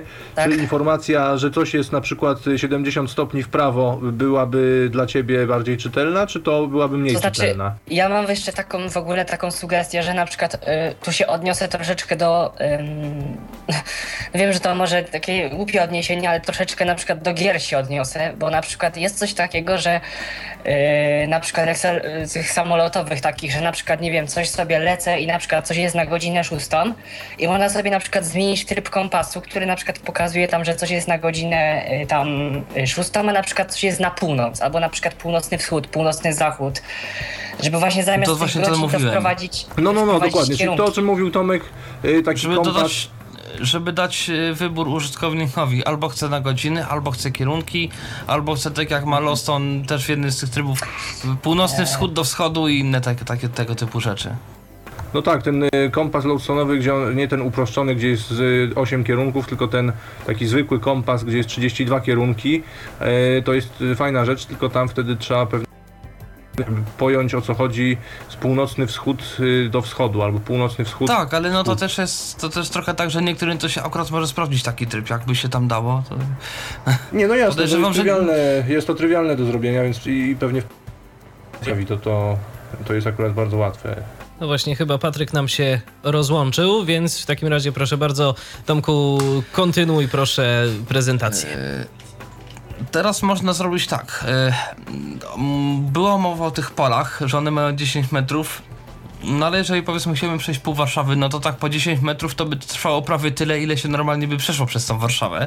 No może Czy przebiegło przykład, powiedzmy. y, czy na przykład obejrzeć sobie to, o czym mówiłem, ten y, wspomniany Królewskiej, gdzie mamy, ona tam ma ileś kilometrów powiedzmy średnicy i, i oglądanie tego y, strzałką po 10 metrów 10-metrowymi byłoby... krokami to by było troszkę za mało. W Tak, związku z czym teraz jestem o tam ileś metrów od tej ulicy. Krzyż.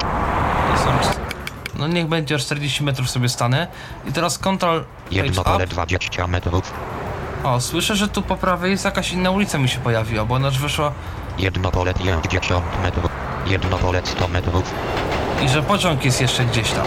Prawdopodobnie gdzieś tam trochę dalej. I teraz jednym ruchem ustawiłem się gdzieś tam w ogóle daleko, daleko. Piła. Piła. Piła. Piła. Piła. Piła. a to jest obszar, to jest, to jest po prostu obszar, że to jest miasto, tak? Pod spacją, naciśnij krzyż. spację Tomaszu, jakbyś mógł na ten... Moment. E, miasto. właśnie na- obszar. No właśnie, i tu jest pod spacją to informacja, jaki to jest typ obiektu, w tym przypadku... Mhm. Także tak to mniej więcej słychać, że jak Jedno, jed, jed, jed, jedno pole 2 metrów. Jedno, jed, jed, jedno pole 20 metrów. Jedno pole 10 metrów. Cmen, cmentarz komunalny. Ale jak ma na 10 metrów, to już widać, że to jest cmentarz komunalny.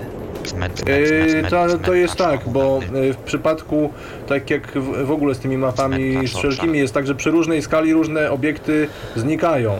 A, a różne inne się pojawiają, to znaczy w sytuacji, jeżeli skala jest, y, dokładność jest duża, czyli jedno pole tam, nie wiem, 2 metry, no to wtedy małe obiekty można przedstawiać i one się pojawiają. Jeżeli jest jedno pole 100 metrów, no to wtedy ta perspektywa się zmienia i już y, małych obiektów y, tak jakby nie powinno być widać, raczej większe, czyli właśnie miasto jako obszar, całe miasto, a nie poszczególny właśnie obiekt. Właśnie tu chciałem też to troszeczkę pokazać, tylko też chyba nie na pile. Po pierwsze piły nie znam, po drugie tu chyba dosyć mało punktów. Chwilę. To ja sobie polecę na szerokie wody Warszawa Gmap 12 z 13. Warszawa. Wybierz punkt startowy. I tutaj sobie wpisuję, no nie wiem, powiedzmy, że pójdę na plac bankowy, bo wiem, że tam jest tego dużo. Wyszukiwanie dialog wybierz. Link krzyż. Bankowa. Szwedzka gro- linia droga wewnętrz. Krzyż. Narutowicza. Bankowa. Szwing mapa. Nie, to może Wybierz. Bankowy od razu, Wyszukiwanie tutaj... dialog wybierz. Wypo parking rowerowy. Wypo ratusz wydział spraw cudzoziemców. Ból. Plac bankowy 3 A. 5 wasz pytanie dialog. Chcesz przeskoczyć 302 5 km na godzinę 3 30 tak przycisk alt. Tak, bo ja wybrałem mu mapę, ale on nadal jakby jest w miejscu tej poprzedniej piły. Yy, No tak, z i, tym- dlatego, i z tego punktu trzeba przeskoczyć w określonym kierunku. Też ta informacja jest też po to, żeby użytkownik miał poglądową informację e, między jakimi obszarami, że tak powiem, o ile przeskakuje gdzie. Tak, no to teleportujemy się o 300, ponad trochę, no trochę ponad 300 km. Ciach. I tu słychać, że tych punktów nagle się zrobiło sporo. I ma wszędzie... Ból 629 Aleja Solidarności 81 Aleja Solidarności kierunek Bankomat PKO 24 budynek A jeszcze zapytam, jaki mamy teraz rozmiar jednego pola, bo to może być istotne. Jedno pole 5 metrów, jedno pole 10 metrów 10 metrów, standardowy. I tutaj chodzę co 10 metrów, to już jest praktycznie coś się zmienia.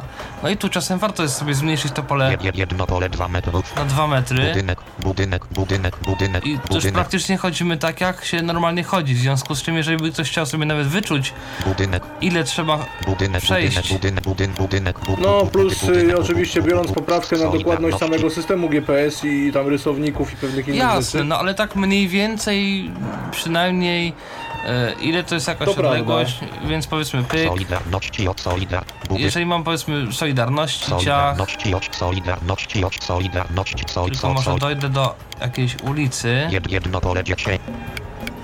Aleja Solidarności kierunek na go. Jed, jed, jed, jedno ale. Aleja Solidar, Aleja Solidar. I tak bym długo przechodził przez aleję. E, idziesz teraz w kierunku jakim, bo to jeszcze jest pytanie. Teraz, e, a faktycznie idę wzdłuż Solidarności. T20. Ale- w O, i teraz na przykład e, na zachód. I teraz tak, e, na przykład tu taka ciekawostka. Idę sobie w stronę tej Solidarności T20, 23, 26. i widzę, że mam tramwaj. Zresztą pod spacją będzie mi to czytał. Tory tramwajowe linia. Że No najpierw tak, są tory numerki, tramwajowe, a te numerki, które Te były tam 20. podane 20, to 23, są jakie linie 26, to są tramwajowe tędy e, jeżdżą. linie, które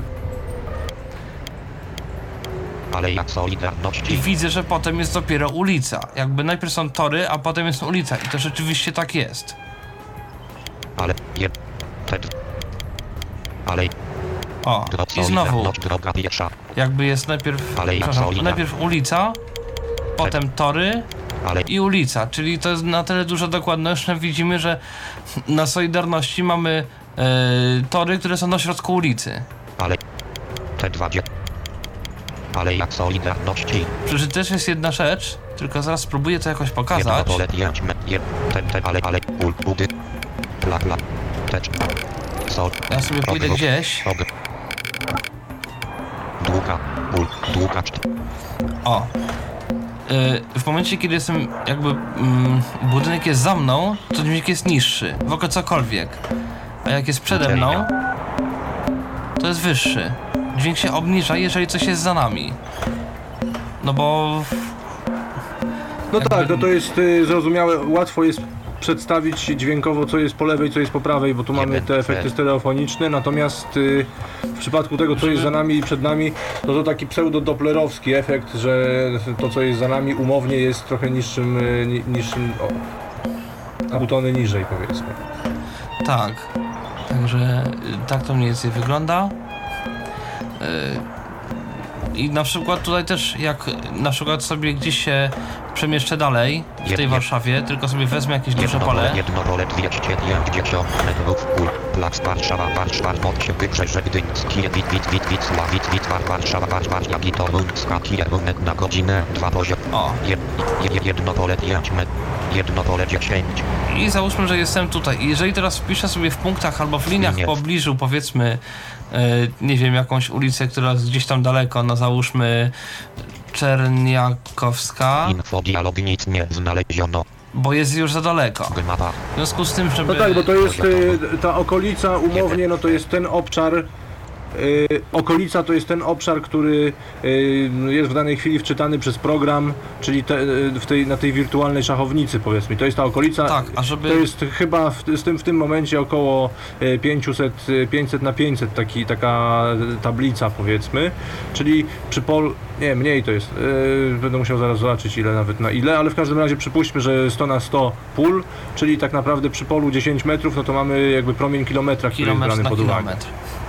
Y, więc żeby wyszukać coś, to albo trzeba zwiększyć to pole, ale też nie mamy gwarancji, że coś się zwiększy w przypadku rzeczywiście potężnych obszarów. Natomiast można zawsze nacisnąć klawiszową Ctrl-T wybierz punkt, startowy dialog, i teraz y, jak tutaj wpiszę Czerniakowska, wyszukiwanie, dialog, wybierz punkt, szpital kliniczny Orłowskiego, No właśnie, ja to od razu też, y, 231, Dotychczas w starszych wersjach wyszukiwane były tylko punkty w tej funkcji wybór punktu startowego. Od tej wersji 0.93 też inne rzeczy typu linie i obszary też na tych wynikach się powinny znajdować.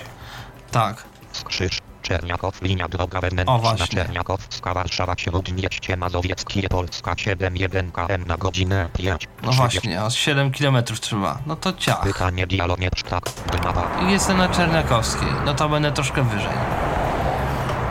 Bo mi tu zagrał ten dźwięk od, od tego, że jestem wyżej. Yy, Co jeszcze można pokazać?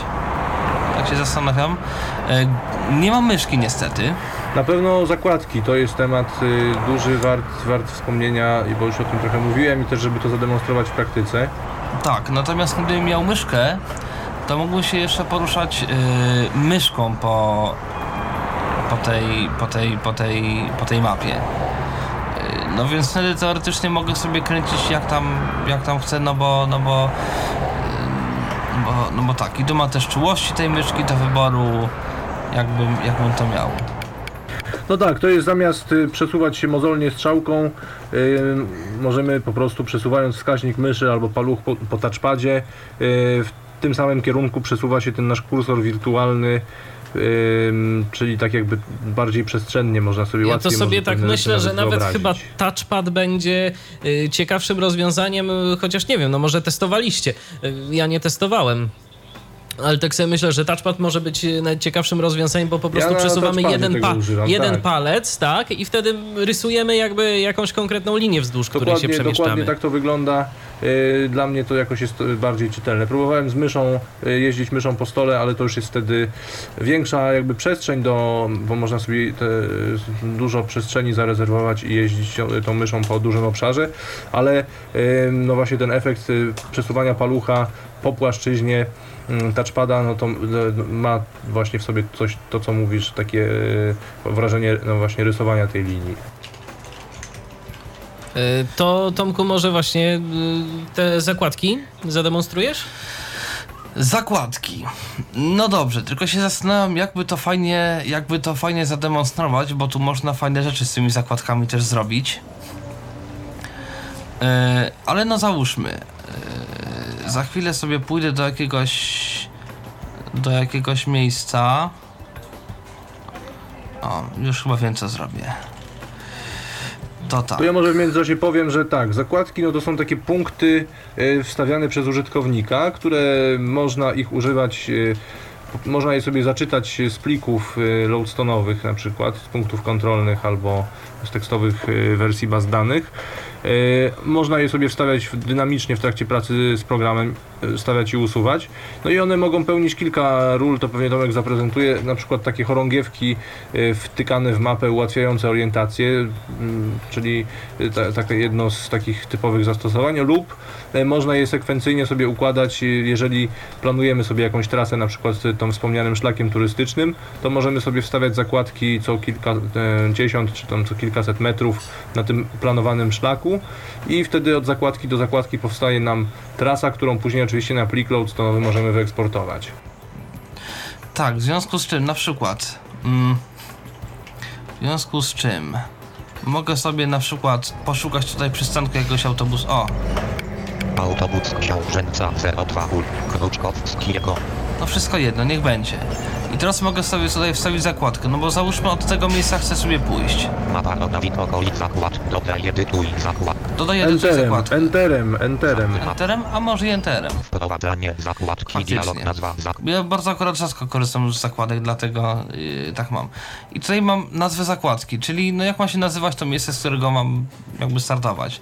Nie mogę sobie nazwać, nie wiem, przystanek. Domyślnie masz wpisaną tą nazwę, która y, tam była na tym polu, też dodam. Tak, no tylko czasami to, to jest y, dosyć długie, to tak, żeby, żeby, mm, żeby powiedzmy jakoś się nie No jasne, można też, można też edytować, oczywiście, że tak. Mhm. Z czym nie, wpisuję powiedzmy start. I zaczyna mi grać. I teraz oczywiście yy, w momencie, kiedy się będę ruszał, to zakładka też będzie słyszalna. Kruczkowskiego. No więc mogę sobie pójść dalej tą Kruczkowskiego. Kruczkow.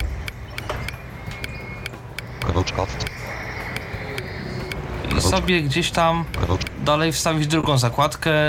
Kontrolnie powiedzmy, żeby nie wiem, wiedzieć, że dobrze idę załóżmy, czy, czy coś takiego. Mapa nawi okolica rozwij punkty w okolicy. Enter, enter. Wprowadzanie zakład. 2. Punkt. Odznaczanie 2. No 2. PUNKT pusta. drugi punkt. No niech będzie Ale że to to, drugi. to dlatego, że, przepraszam, że tutaj wejdę Mhm. w słowo, jest to tak dlatego, że nie wstawiłeś jej centralnie na tej ulicy Kruczkowskiego, tylko trochę obok. Gdyby ona y, była wstawiona No dokładnie tak, na bo tej ja się ulicy, to domyślam, wtedy ta że nazwa, jakby nazwa była na ulicy, skopiowana. Kruczkowskiego. to podejrzewam, że ja bym musiał wtedy iść ulicą. Kruczkowskiego. Bo Kruczkowskiego to z tego co wiem, to jest jakby szerokość jezdni. Park Rydza Śmigłego. Krucz... O, y, ciekawa w sumie konstrukcja. Y, może i tak. Ja bym tego tak chyba, y, znaczy ja do tego tak nie podchodzę, raczej się staram trzymać dróg i to się też w sprawdza. Aha, A ty rozumiem, że próbowałeś przycelować w chodnik, to co może... Tak ale uwzględniając jakby, i no, tak, w pewnym sensie. No, Uwzględniając i tak Ale no w każdym razie, samego GPS-a. dokładnie, to podejrzewam, co będzie w zasadzie wszystko jedno. W każdym razie napisany jeszcze punkt 2. Kruczkow. E, Znaczy nie do końca, e, przepraszam, nie do, końca, nie do końca wszystko jedno, bo wstawiając sobie ją dokładnie na ulicy Kruczkowskiego, e, masz wtedy z dom, e, defaultową tą nazwę Kruczkowskiego, czyli idąc później w terenie, e, wiedząc na jaki punkt się kierujesz i powiedzmy, że schodząc przypadkiem z tej trasy, wiesz o co pytać, tak jakby od razu To się zgadza. automatu. Natomiast mogę na przykład tu sobie mm, w takim razie, jeżeli załóżmy, okej, y, no coś tam się stwierdziłem, ale już gdzieś tam sobie poszedłem, nie wiadomo gdzie, jestem sobie gdzieś tutaj, w ogóle jestem daleko, to mogę sobie zrobić jedną rzecz, tylko też nie potem do tego skrótu, Mapa. ale pewnie Grzesiek Nawid powie. U, U, do. u, u, u. Idź do zakładki U i 2 z 1. O właśnie, nawet mówi U. Idź do zakładki. Start 2. Punkt 4. Pytanie dialog. Chcesz przeskoczyć 412 metrów. Nie tak. Tak. Szybciej mapa. Jestem na zakładce. I teraz ja mogę Czyli wróciliśmy do skasować. tego punktu. Zakładkę. E, no bo jak rozumiem, teraz trzeba by usunąć tą zakładkę i wstawić nową na Kruszkowskiego, bo chyba nie da się jej tak po Mm, prostu Tak byłoby przenieść. najlepiej. No nie, nie, przenoszenia jeszcze nie ma. No właśnie, w związku z tym na, nacisnę klawisz del. No i się pyta, czy usunąć zakładkę? Nie tak. Przycisk. Usuwam zakładkę. Kruczkowskiego kije. No i mogę tutaj wstawić zakładkę. Wtedy za, zakładka się będzie nazywała 2. Kruczkowskiego odznaczanie 2. tak, Tak, i dokładnie, numer czyli dwa, tak naprawdę dwa razy Enter e, i już tą zakładkę ma. A w przypadku dodam jeszcze nawigacji myszą, jak chcemy w pewnym jakimś punkcie wstawić sobie zakładkę bez odrywania praktycznie palucha od y, touchpada, no to przez trójklik y, lewym przyciskiem myszy, czyli potrójne kliknięcie lewym przyciskiem powoduje wstawienie zakładki y, już bez pytania o nazwę, tylko z tą nazwą domyślną ustawioną przez program, tak żeby to ułatwić. Park po park porazicki jej. No i powiedzmy, że, nie wiem, Park porazi, park e, porazic. Park po, park O, coś tu było po lewej stronie. O, fajnie. No załóżmy, że chcesz z tamtego przystanku dojść sobie do tej restauracji pod mostem. No więc stawiam tu sobie zakładkę, która się będzie nazywała 3. Restauracja pod mostem ul. Kruczkowskiego 1. Odznaczanie 3. Oczywiście mogę to sobie zmienić, jeżeli to jest dla mnie za krótko. Restauracja na przykład. I w tym momencie mi się ta zakładka będzie już nazywała nie restauracja pod mostem, ulica Kruczkowskiego 1. Inna rzecz, że przy tym przy tym punkcie y, został odegrany dźwięk telefonu. Zakładka resta. Chyba, tylko w tym momencie tego nie ma. Zakup. Restauracja punkt miasto. Warszawa rejon. Mazowiecki kraj. Polska. Ale jak naciśniesz T i jest telefon, Tak. to się powinien i tak pojawić. Droga Dobrze, nie ma zakup. chyba telefonu, tu mi się coś przesłyszało. Tylko, że na razie Y. jesteś, y, nie, nie jesteś na tej zakładce w tym momencie. Zakładka Jest. A nie, jesteś. A, Zakładka tak, y, to ja od razu uprzedzę troszkę fakty. Rzecz polega na tym, że w- jest błąd y, w tej wersji 0.93, jest błąd y, z tym wysok... bo on nie zmienił tego wysokości dźwięku tej zakładki, więc stąd miałem wrażenie, że jesteś za, za tym punktem. Ale to jest błąd, który już został poprawiony Tak, z ja takiej może- wersji, tak, którą mam na warsztacie. Jest telefon, tylko że jak, jest, jak wstawię zakładkę na tym punkcie, to nie mam dostępu do y, punktu Znaczy, restauracji, tylko nie- podmienia Nie na ma, nie ma tego dźwięku telefonu, ale chyba ta funkcja T powinna Nie, działać. nie działa. Nie działa. Y, A, to, Trzeba to jest zdjąć zakładkę i, poprawienia. i, i to wtedy jest też na pewno do poprawienia. Czyli przy okazji wykry, wykryliśmy tu błąd. Aktualnego Jeszcze. No, 45, no dokładnie, znaczy 22, kilka, kilka cennych y, rzeczy się już pojawiło. Dokładnie, jeżeli Sprawa ktoś jeszcze by chciał, jeżeli ktoś jeszcze by chciał coś tak. powiedzieć, dodać, to, ja oczywiście przypominam namiary do nas 123 834 835 oraz, na, oraz nasz radiowy Skype o loginie tyflopodcast.net, piszemy tyflopodcast.net. E, Przypominam, że w dzisiejszej audycji e, moi goście to Grzegorz Złotowicz, autor programu Grmapa oraz e, Tomek Bilecki, który ten program demonstruje na użytek e, Tyflo Podcastu na żywo na antenie Tyflo Radia. No to wracamy do tej demonstracji. Tak, i w momencie, kiedy nacisnąłem T, wszystko ucichło. A wszystko ucichło dlatego, że telefon jest najważniejszy teraz i pojawiło nam się okno dialogowe, w którym grzecznie w polu edycji mamy ten telefon. plus 4, 8, spacja 2, 2. spacja 6, 2, 2, 1, 9, 8. I, ten, I to jest normalne pole edycji, mogę sobie skopiować ten numer, wkleić go gdzieś tam albo sobie zapamiętać i do, do komórki sobie wpisać jakoś i tak dalej, i tak dalej. Mam przycisk. Ok, przycisk, anuluj przycisk. No. Normalne okno dialogowe. I w tym momencie mam już, mam już ten telefon y, To wpisany. ja od razu zapytam, czy w tej sytuacji, bo mamy dwa przyciski, OK, anuluj, y, czy one się czymś różnią? Y, Grzesiek, to pytanie chyba do ciebie. Y, czy to po prostu tak nie, no, stworzyłeś... funkcjo- funkcjonalnie, funkcjonalnie się niczym nie różnią, natomiast y, żeby nie namnażać sobie, nie tworzyć kolejnej formatki y, jakiejś tam, no to skorzystałem z takiej uniwersalnej, z której korzystam gdzie się tylko da. Oczywiście powinien y, ten przycisk OK mógłby albo nie istnieć, albo być niedostępny, ale uznałem, że to jest kosmetyka. Tutaj No nic jasne, jasne. Się, y, nic się nie dzieje, ale być może przyszłościowo jest to jakaś y, też jakiś pomysł, żeby na przykład była funkcja korzystająca z, z, te, z, tej, z tej telefonii, tak, z tej API telefonu w Aha, no Windowsie, chyba. żeby, za, żeby zadzwonić, ale chyba mało, mało osób ma niezbędne tak jakby wykonywać telefony bezpośrednio z Windowsa, więc to No chyba... tak. Smakowite odgłosy nam się tu pojawiają, to skoro mamy takie ładne tło, to odbierzmy, to odbierzmy telefon, bo mamy telefon od Patryka ponownie. Patryku, witaj, słuchamy. No witam, witam ponownie. No i tak już zacząłem pytanie. Yy, Właśnie chciałem się zapytać, dlaczego na przykład yy, ten program yy, nie, nie wykorzystuje również, znaczy, czy byłaby taka możliwość, żeby wykorzystywał mapy, na przykład mapy googlowskie? Czy, czy to było jakoś tak? No, to pytanie się pojawiło O tym już było. Na, na początku audycji. Pewnie zakładam, że nie miałeś e, możliwości słuchać e, nas od początku, więc gdzieś tam w archiwum e, jest to, znaczy będzie to dostępne pewnie wkrótce do pobrania. no, ale w skrócie mówiąc, nie mógłby, nie może wykorzystywać map googlowskich, bo Google nie udostępnia nic poza ruchła do punktu B i nic poza kafelkami, czyli obrazkami graficznymi, z których sobie można mapę wizualną poskładać, ale takich danych, z których można zbudować, to Google nam y, nie udostępni. Aha.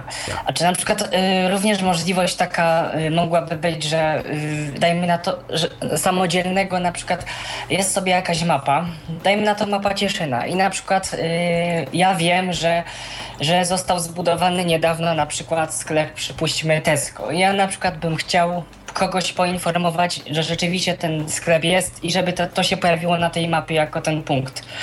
Na przykład nie A wiem, to jest czy- bardzo dobre pytanie. Powinienem o tym napisać w podręczniku. Oczywiście taka możliwość istnieje, chociaż to się odbywa troszkę drogą okrężną poprzez stronę www. E, korzystając, e, to zaraz o tym dokładnie powiemy. E, chodzi o to, że można, mając dokładne współrzędne, bo zakładam, że tak, wiesz o tym, że jest jakiś nowy sklep czy nowy punkt, który powinien się pojawić. Masz gdzieś tam Loadstona lub inną nawigację, którym, którą jesteś w stanie ściągnąć dokładne współrzędne tego punktu i później w zaciszu domowym w grmapie, korzystając z funkcji Ctrl-G, czyli przejdź do, e, wpisujesz te współrzędne, przepisujesz je albo z Loadstona, albo z, tam, z innej e, aplikacji nawigacyjnej, przepisujesz je w pole edycyjne, e, czyli przejść do punktu, tak żeby znaleźć się w grmapie w tych e, współrzędnych, dokładnie w tych współrzędnych, które zostały ściągnięte GPS-em. I tam będąc e, już w tym punkcie, e, czyli dokładnie w tym miejscu, gdzie m, ten nowy obiekt się pojawił, naciskamy Ctrl Enter, żeby otworzyć widok e, m, mapy UMP na www, czyli taki widok graficzny tej mapy na www. Po czym y, otwiera się strona y, z tym widokiem, właśnie już takim graficznym widokiem mapy. I tam przez link formularz y, powodujemy, że otwiera się takie okienko na tej stronie, taki formularzyk wpisywania nowego punktu z tymi współrzędnymi, które już tam y, z grmapy zostały tak jakby przepisane do tego, do tego formularza, czyli jest długość, szerokość są wpisane, y, no i pozostaje do wypełnienia tylko kategoria punktu, adres, ewentualnie jeśli znamy to telefon, jakieś uwagi dodatkowe, czyli rzeczy, które tam w terenie warto byłoby też zdobyć. I to zgłoszenie zostaje wtedy przesyłane do, do operatorów, którzy rysują mapę i w ciągu tam kilku dni powinno się ten punkt powinien się na mapie pojawić. Do, na, on, tak a propos jeszcze program informuje na przykład, że dajmy na to, jestem ma, mapę Krakowa i na przykład tam, że tam pojawiła się aktualizacja danej mapy i on, on o tym informuje od razu. Program, w sensie... Można sobie, można sobie włączyć y, taką funkcję sprawdzaj y, przy starcie aktualizację map i programu, y, która to funkcja będzie przy uruchomieniu grmapy y, sprawdzać na serwerze, czy są nowe, nowe mapy. Jeżeli będą nowe wersje tych map, które mamy już zainstalowane, to wtedy poinformuje, że czy pobrać aktualizację dla 17 zainstalowanych map wymaga pobrania około 50 mega danych. Mhm. Bo ja na przykład też zauważyłem, że na, na, tym tu nie ma wszystkich punktów, bo ja na przykład tak dla testów sobie chciałem, poszedłem sobie po mapie Krakowa i sobie tak chciałem wyszukać ten, yy, na przykład szkołę dla niewidomych i słabowidzących na Tynieckiej, więc ja tam wpisałem jakoś, wpisałem Tyniecka, tam ty, Tyniecka 6, tam Tyniecka 7, te okolice, no idę sobie w te okolice, no i kurczę, no i nie znalazło mi tego, znaczy było niby, że jest taki punkt, Natomiast no, nie znalazło mi, że to jest ośrodek i założę się, że, y, założę się, że, tej, że tego punktu tam jeszcze nie ma. Nie wiem, czy może będzie dodany. To, to taka ciekawostka. Tego akurat, co że... pamiętam, to nie ma. Natomiast propos... Ale nic nie stoi na przeszkodzie, żeby ktoś, y, nic nie stoi na przeszkodzie, żeby ktoś z użytkowników, y, którzy mają współrzędne tego punktu, przesłał ten formularz zgłoszenia na, na wspomnianej stronie www tej mapy projektu UMP i wtedy w ciągu kilku dni on się na pewno pojawi. No tak, jeszcze tak, to jest, wiem, że to jest może trudna taka sugestia, ale y, może tu już nawet było o tym. I wiem, że może dla niektórych, że to jest bardzo ciężko by było dla pana coś takiego zrobić, y, ale naprawdę dźwięk 3D, dźwięk binauralny byłby bardzo mile widziany no, w takim programie. Słyszenie po prostu takie przestrzenne, gdzie co jest, czy coś jest z tyłu, za tobą, przed tobą. Świetna rzecz naprawdę, ale wiem, że jest to trudne Dlatego tego nie wymagam. To znaczy sama ta biblioteka Openal teoretycznie obsługuje te 4 plus 1, tą konfigurację głośników, bo to tak naprawdę mm, powinno działać y, w miarę samoistnie, natomiast ja nie mam możliwości przetestowania tego w żaden sposób. E, ale, ale jest to temat, jeżeli e, twórcy z, z Creative'a, którzy stworzyli tą bibliotekę OpenAL, e, oprogramowali te funkcje, no to jej włączenie nie, nie powinno być nadmiernie trudne i nad tym kiedyś trzeba się będzie pochylić po prostu. Bo naprawdę bardzo by to, to był, był naprawdę duży krok w przód. Ja, to myślę, że to wszystko. Ja bardzo chciałem podziękować i życzyć panu dalszego owocnego rozwijania tego programu. Niech on się no dalej dzięki rozwija. bardzo. Dzięki, no i Inną mi było pana poznać. Też się cieszę. No a przede wszystkim jeszcze nawiasem właśnie a propos tego grotekstu, że jest używany, to to jest druga, jedna z wielu dobrych wiadomości dzisiejszego wieczoru. Także, także powodzenia i z grmapą, z grtekstem i... Może no kiedyś też będzie dobrego. jeszcze. Dziękuję bardzo. No jeśli będzie zapotrzebowanie od użytkowników, to jak najbardziej. Na razie w zasadzie prawie nikt y, nic na ten temat nie pisał mailowo, także założyłem, że mało kto tego, że właściwie chyba nikt oprócz mnie tego nie używa, ale okazuje się, że byłem w błędzie. To dziękujemy Ci bardzo, Patryku, za telefon. Pozdrawiamy i do usłyszenia. Przypominam e, o namiarach do nas 123 834 835. To jest nasz e, telefon stacjonarny. Skype o loginie tyflopodcast.net jest również do Waszej dyspozycji. No to wracamy do prezentacji Grmapy. Tomku, jesteś z nami? Jesteś. Jestem, oczywiście, że jestem. Ja e, jeszcze tylko tak też taką trochę ciekawostkę, którą można y, znaleźć czasami w mapie. Różne takie ciekawe kwiatki to jest, podejrzewam, też związane właśnie z tym, że y, program jest tworzony y, przez wolontariuszy, przez użytkowników, przez pasjonatów i, i tak dalej, i tak dalej. W związku z tym niektóre punkty na przykład mają takie nazwy. Uwaga, z wiaduktu KD, nie bardzo. E, przepraszam, nie bardzo, to nie ten. O, teraz. Uwaga, możliwe przejście przez tory na nacypie, ale nie polecam. Tak. No tak. W związku z czym takie. Lo, lojalna uwaga. Oczywiście. W związku z czym, no. Mm, mm, w związku z czym to są, no, właśnie czasami to są naprawdę bardzo ciekawe rzeczy. Uwaga, Libacka, proszę nie niszczyć kawałków. Na przykład. Mm, I tak dalej, i tak dalej. Czego nie niszczyć, przepraszam, bo nie, nie, nie dosłyszałem Kawałków. Jeszcze. A kawałków, kawałków. czego? Proszę nie niszczyć kawałków, taka uwaga. Libawska, proszę nie niszczyć kawałków. Albo takie, okay. takie małe rondeczko, że się nie opłaca rysować. No różne są ciekawe. No tak, to oczywiście uśmiech, że tak powiem, od rysowników. Tu jest, tu jest jeszcze ciekawsza uwaga, która w ogóle ciekawie mówi o o różnych rzeczach. Uwaga, niby jest zakaz wjazdu, ale ignorowany. Na wjeździe nie ma znaku DR1 Kierul, Bokserska Warszawa 6. No właśnie, w związku z tym do takich rzeczy też czasami się można dowiedzieć ym, o mieście. Także... No i właściwie jest to chyba nawet przewaga takich map tworzonych przez pasjonatów, bo... y, Bo oficjalnie nikt by takiej informacji nie podał. O to, to Dokładnie. tak. Natomiast e, moje pytanie teraz jest takie, e, jak to technicznie wygląda, bo wspomniałeś e, o mm, tym, że zakładki można sobie eksportować do Loadstona. Więc teraz jak to, jak to działa? Co my musimy zrobić? Jeżeli mamy jakieś właśnie zakładki stworzone, to teraz co trzeba zrobić, żeby to przeportować do mm, Loadstona? Po prostu y, czyli jak zapisz albo wybieramy z menu zakładki, zapisz zakładki jako i tam y, pojawia się standardowe okienko dialogowe zapisywania, w którym wskazujemy ścieżkę i nazwę pliku, pod jaką się ma ten, y, y, pod jaką te zakładki mają być y, zapisane.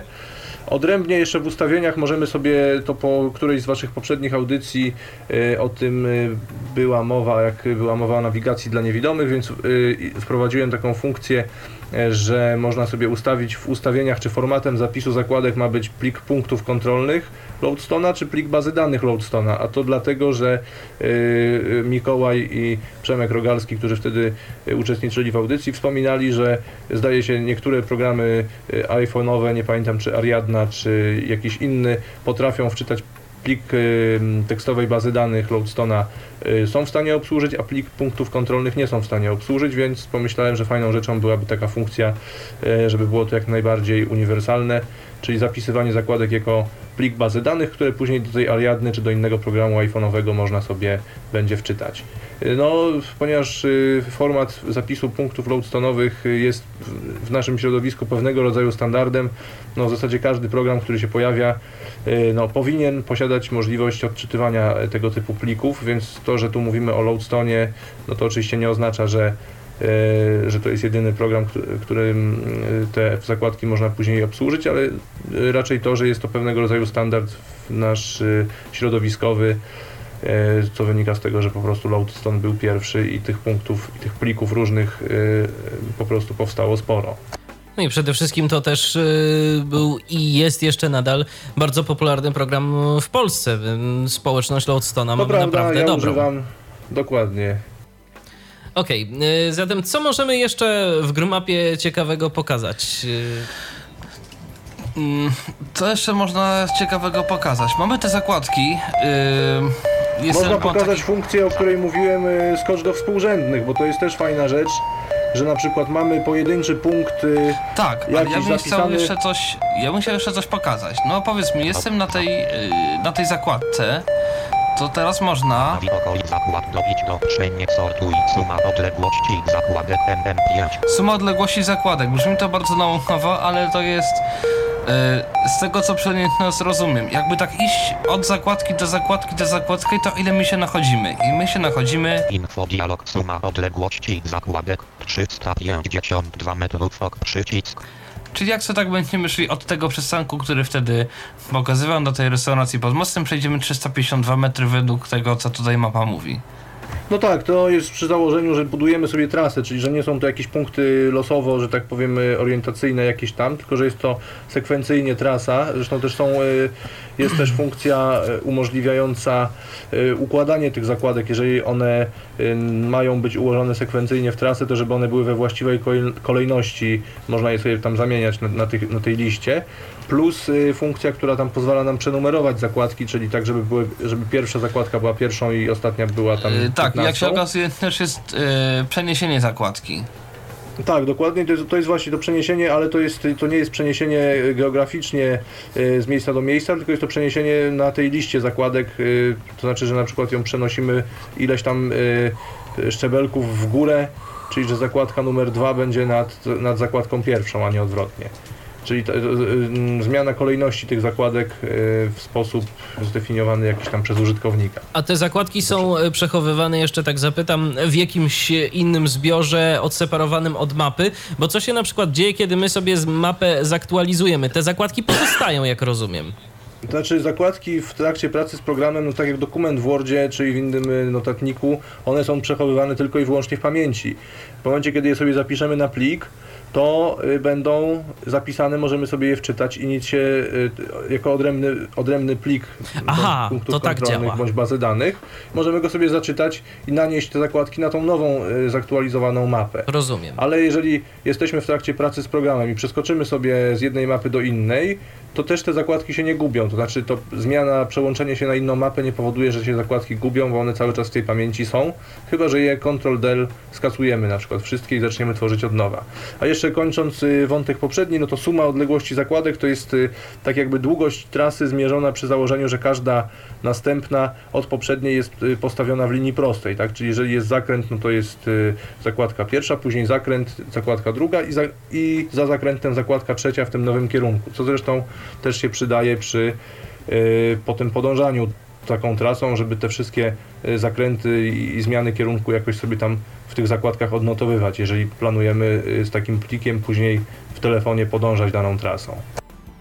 No to co, Tomku, to może pokażesz właśnie teraz te numeryczne wprowadzanie współrzędnych konkretnych.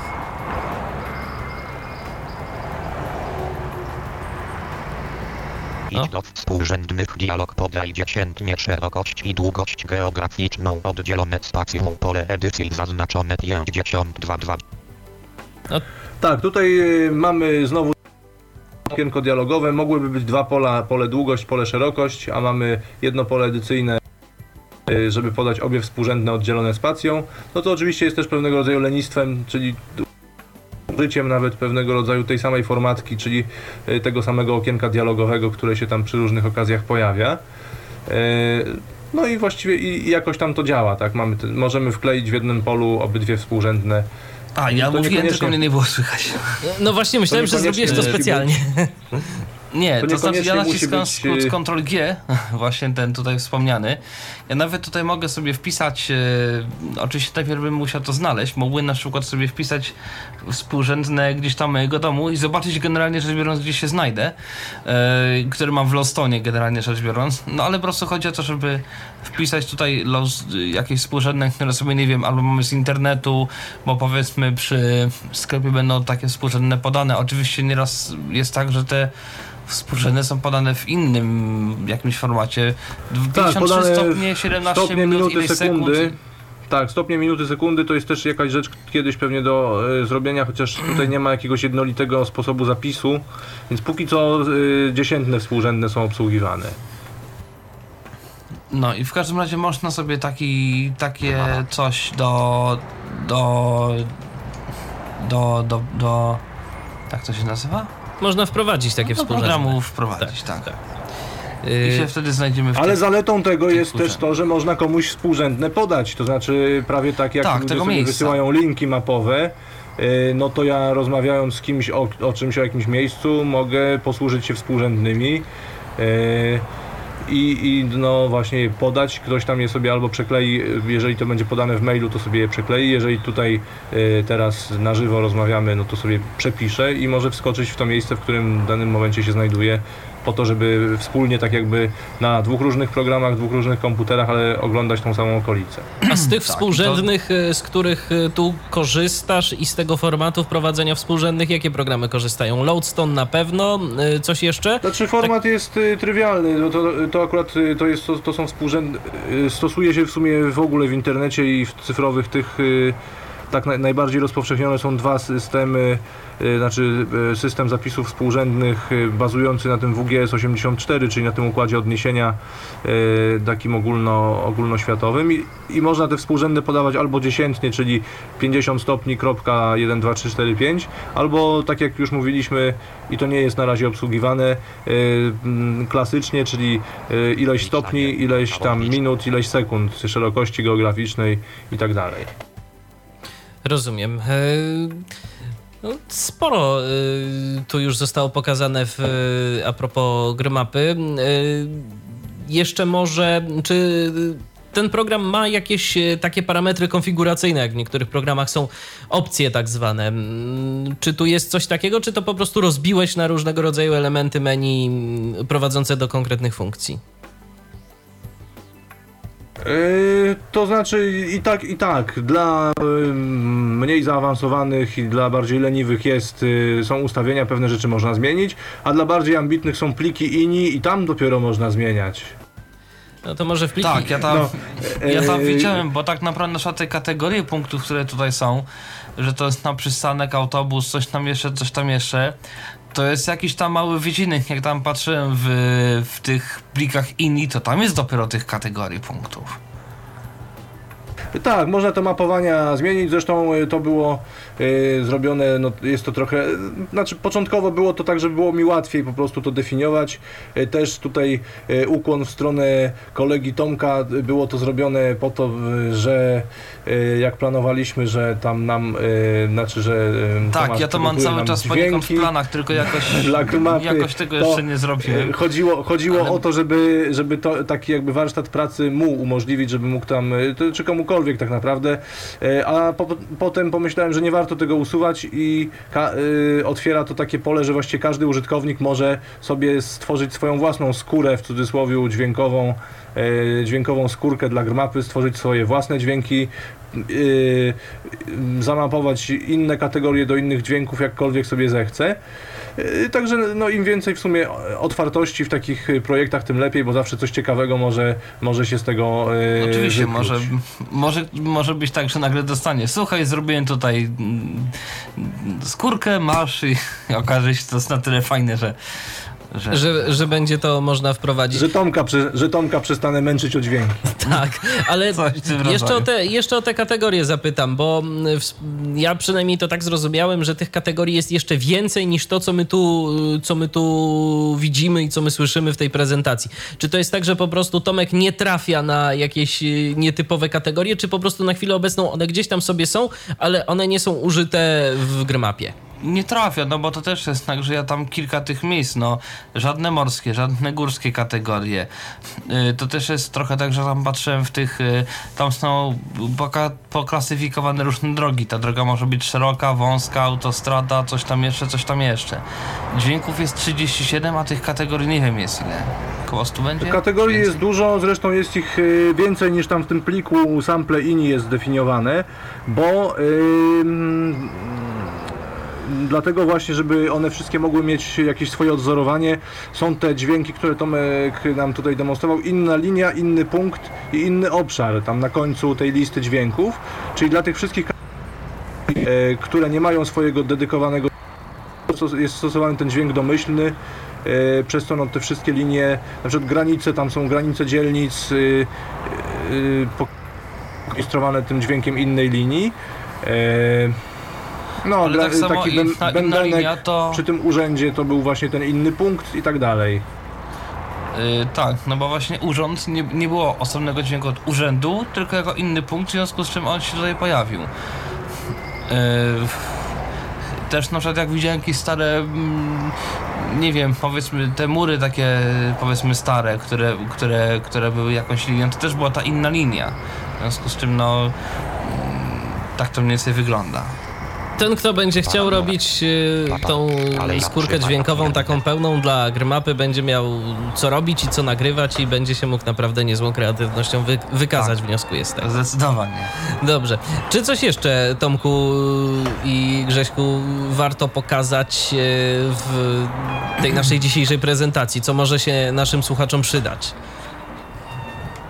E, Oczywiście, że tak, ja tutaj mam jeszcze jeden pomysł, bo właśnie chciałem e, usłyszeć dźwięk e, fajnie w stereo, dźwięk przestrzenny, o którym już była mowa i który był prezentowany, a przy okazji zaprezentować e, u- znaczy dźwięk, który jest jednym z lepiej Chyba wiem o co powiedzmy, chodzi. bardziej udanych dźwięków e, w Grmapie, a przy okazji zaprezentować e, tą funkcję dyktowania współrzędnych.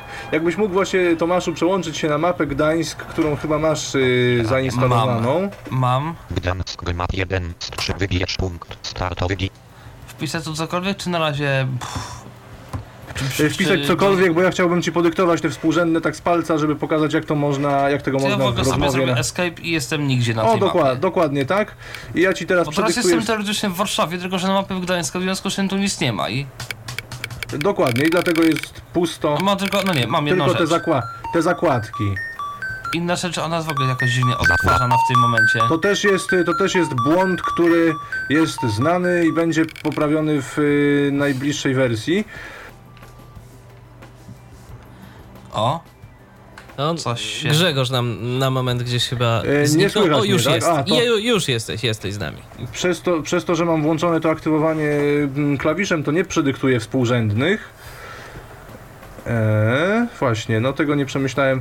Okej. E, To może to szybciutko włącz sobie aktywację, aktywację głosem. Dokładnie tak, teraz chyba powinno mnie być słychać. Jesteś, tak, y, jesteś. Jest, no świetnie. Okej, to mały taki drobiażdżek techniczny. Wpisuję To Ctrl G. dyktuje, dyktuje współ... Dialog. Dokładnie, ja też sobie wyszedłem w Ctrl G i y, dyktuję 54.52472 spacja 18.789 75. 7, 5. Pytanie dialog. Chcesz przeskoczyć 295 4 km na godzinę 11 tak, nie Oczywiście. tak, przycisk map. O, No i tu mamy właśnie dźwięk. y, Fajnie, fajnie, przynajmniej mi jakoś tam się podoba on najbardziej z tych, y, z tych mapowych dźwięk y, morza jakoś tam przestrzenny, plus jeszcze ciekawa rzecz, którą, o, o której też chciałem wspomnieć, y, na innych mapach, nie wiem czy to są też pewnie gdzieś to jest do znalezienia, ale też y, no, promy y, są rysowane, jak tutaj się Tomaszu ruszysz strzałką, to będzie informacja Tak, na jakiej to jest Zatoka trasie. Gdańsk, Zatoka, Zatoka, za- za- Tu jest. Zatoka Gdańsk, Nynec. No Gdańsk, Nyneszan, Za Gdańsk. To był właśnie, tak, prom linia, czyli na trasie Gdańsk-Nyneszan. Ten prom y, płynie, można sobie go prześledzić praktycznie nawet do, do samej Szwecji. Y, do, y, W sensie tą linię taką, to nawet Tak, nie tą linią. Tylko Gdańsk, trzeba- trzeba sobie odpowiednio zwiększyć y, Gdańsk, rozmiar pola, No no i w pewnym momencie przełączyć się na, 100 metrów.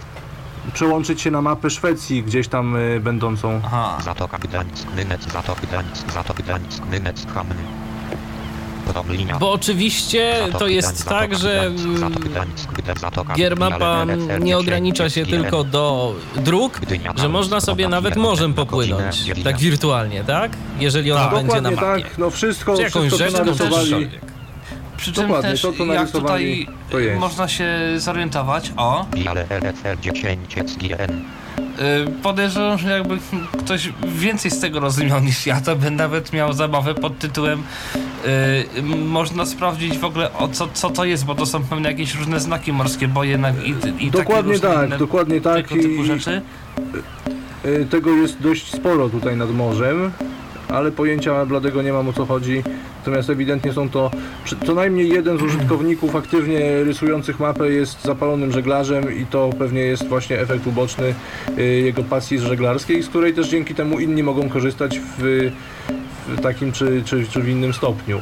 Chociaż pewnie do nawigacji morskiej y, no to niekoniecznie jest to źródło informacji, na którym można by całkowicie polegać. y, Nie, nie byłbym pewny, Jasne, ale no tak przynajmniej, żeby mieć jakąś frajdę i jak ktoś lubi powiedzmy te tematy takie żeglarskie. Dokładnie tak, dokładnie e, tak. To, To może sobie przynajmniej świetny, zobaczyć mniej więcej gdzie to jest, jak to jest, o co chodzi i, i świetny tak punkt dalej, i wyjścia, dalej. tak. Słychać, słychać odgłosy, zbli zbliżamy się do morza. Czy, czy my już jesteśmy w morzu w tym momencie? My jesteśmy już Nie, w no morzu. jesteśmy może. na pełnym morzu na- w Zatoce Gdańskiej na linii promu y, w tym momencie to jest Gdańsk Tak, możemy Karlskrona. poczekać i wsiąść. Może coś, może coś do nas właśnie zaraz podpłynie. No ale w każdym razie rzeczywiście program jest, y, program jest bardzo ciekawy, y, ma spore możliwości i na pewno ułatwia osobom niewidomym y, orientację w terenie czy zapoznanie się z y, terenem dla nich zupełnie nowym, bo jeżeli na przykład y, po raz pierwszy wybierzemy się do jakiegoś miasta, to zawsze Albo nawet zawsze okolicy. łatwiej, no Już tak. nieraz skorzystałem, zwłaszcza jak Warszawa jest przecież tak duża, że to prawie nikt nie zna jej w całości. Yy, I już nieraz miałem po prostu sytuację taką, że szukałem po prostu najbliższego przystanku, patrzyłem w jakiej on jest odległości, jak mniej więcej potem iść. Yy, I rzeczywiście to potem sparodowało, więc no tylko oczywiście trzeba mieć jakoś tam tą orientację powiedzmy yy, no taką orientację. No tak, bo mapa, mapa, nie zastąpi, mapa nie zastąpi, tak samo jak inne urządzenia wspomagające nie zastąpią umiejętności posługiwania się białą laską czy, czy korzystania z usług e, psa przewodnika. Ale y, to od razu, Grzesiek, do ciebie pytanie. y, Znaczy to są wszystko technologie uzupełniające jakoś do, tam. Bo dokładnie. Tu, yy, to znaczy oczywiście też to, o czym to się, co już się przewijało, ale o tym trzeba też dla porządku wspomnieć. Yy, no, dane są rysowane przez yy, pasjonatów, a zresztą nawet profesjonalistom się zdarzają wpadki na mapach cyfrowych. Yy, Więc no, mapa żadna no, nie jest źródłem informacji, na którym można polegać bezwzględnie. Nie zwalnia ani użytkownika z obowiązku myślenia, ani, ani przewidywania jakichś szczegółów. Jest to jakieś w 90 pewnie 9% przypadków y, y, powie prawdę, natomiast ten 1% zawsze gdzieś coś albo błąd w programie, albo błąd na mapie może sprawić, że się y, program pomyli i informacje, które uzyskamy nie potwierdzą się w terenie, albo na przykład dlatego, że już jakąś drogę zamknięto, albo, albo ścieżka leśna zarosła dawno krzakami, czego jeszcze nikt nie zauważył i nie odnotował na mapie. Dokładnie. A teraz takie moje pytanie i przy okazji w momencie, kiedy wymyśliłem to pytanie, to od razu zacząłem zastanawiać się, czy jest sens y, czegoś takiego. No ale to może się szerzej wypowiesz. Czy y, masz gdzieś w planach stworzyć y, taką wersję grmapy, chociażby na Androida albo jakiś powiedzmy inny system mobilny? Wiem, wiem skądinąd z twoich wypowiedzi na Tyflosie, że za iOS-em to nie przepadasz, dlatego tak o Androida pytam. Ale ale czy, czy to w ogóle według ciebie ma sens?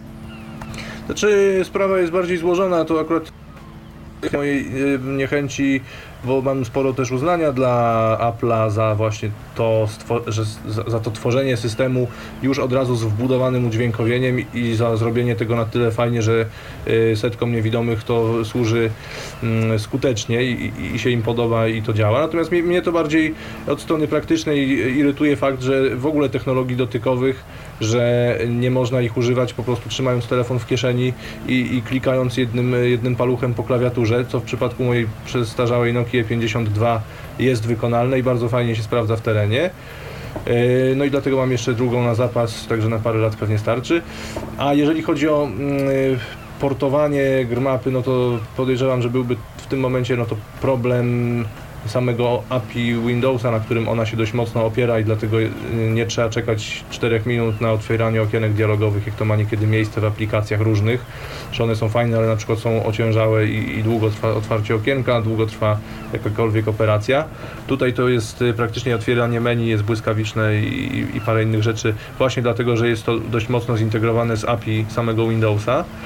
Y, Natomiast y, z przenośnością mm, trochę nawet mi się marzy kiedyś mieć takie urządzenie, żeby sobie móc podglądnąć. Y, Myślałem o jakimś komputerze jednopłytkowym, na którym można by to było wrzucić, ale problem polega na tym, że w ogóle problem z aplikacjami nie tylko dla niewidomych, ale akurat ponieważ nasze środowisko jest y, wiadomo grupą niewielką, no to y, ten problem jest bardziej odczuwalny, że nie ma jednolitej platformy. Jeżeli ktoś zrobi aplikację na iOS-a, to dla wielu użytkowników Androida niewidomych ona będzie niedostępna. Jeżeli ktoś zrobi coś na Android, no to z kolei dla y, iPhone'owców i użytkowników iPadów czy iPodów, no ta aplikacja też będzie niedostępna. No i jeszcze Nie ma pamiętajmy o takiej- całe, całkiem dużej grupie użytkowników Symbiana, bo ten system wśród niewidomych jest popularny i Yy, popularnym jeszcze będzie. To prawda i ja się tego też trzymam, no już o tym nie wspominałem, żeby nie, nie, nie, nie, nie, y, uskuteczniać jakby jakichś wstecznych kierunków rozwoju, nie proponować, natomiast sam osobiście też, y, jak mówię,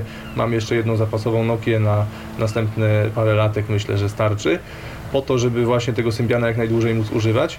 No ale właśnie efekt jest tego taki, że są te trzy grupy duże użytkowników technologii mobilnych, praktycznie nie ma jednolitej platformy, która by umożliwiała stworzenie jednej aplikacji dla nich wszystkich. E, No i tu jest główny problem tak naprawdę, bo zawsze dotrzeć można tylko do części e, użytkowników.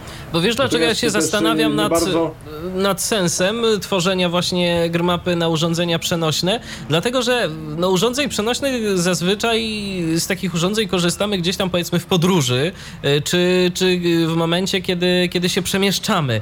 A jednak ja mam takie wrażenie, że ten program... y, lepiej się sprawdzi w sytuacji bardziej stacjonarnej, dlatego że bazuje na dźwięku tak. przestrzennym. Tak. Do, dokładnie tak, trzeba mieć dwie słuchawki w uszach, w miarę spokój, ciszę, żeby gdzieś tam hałasy z ulicy nam nie zagłuszały tych dźwięków i tak dalej, więc to zdecydowanie w takiej full wypasionej wersji y, to jak najbardziej masz stuprocentową rację, że to jest do, dokładnie do zastosowań offline w Niemniej hotelu. już mi się kiedyś zdarzyło, że nagle musiałem gdzieś pojechać i też miałem chwilę, żeby sobie gdzieś tam akurat posiedzieć, więc jakby tam akurat Raczej to ja... nie jest, to nie byłoby tak zupełnie bezużyteczne też mimo wszystko. Znaczy ja ubolewam raczej, bo to problem jest inny. Bardziej problem byłby rozwiązany w ogóle i sensowność tworzenia mapy mobilnej by wtedy znikła w ogóle do zera, gdyby programy do nawigacji dla niewidomych przestały się opierać tylko na punktach, a zaczęły też uwzględniać te inne mapowe obiekty typu właśnie linie i obszary.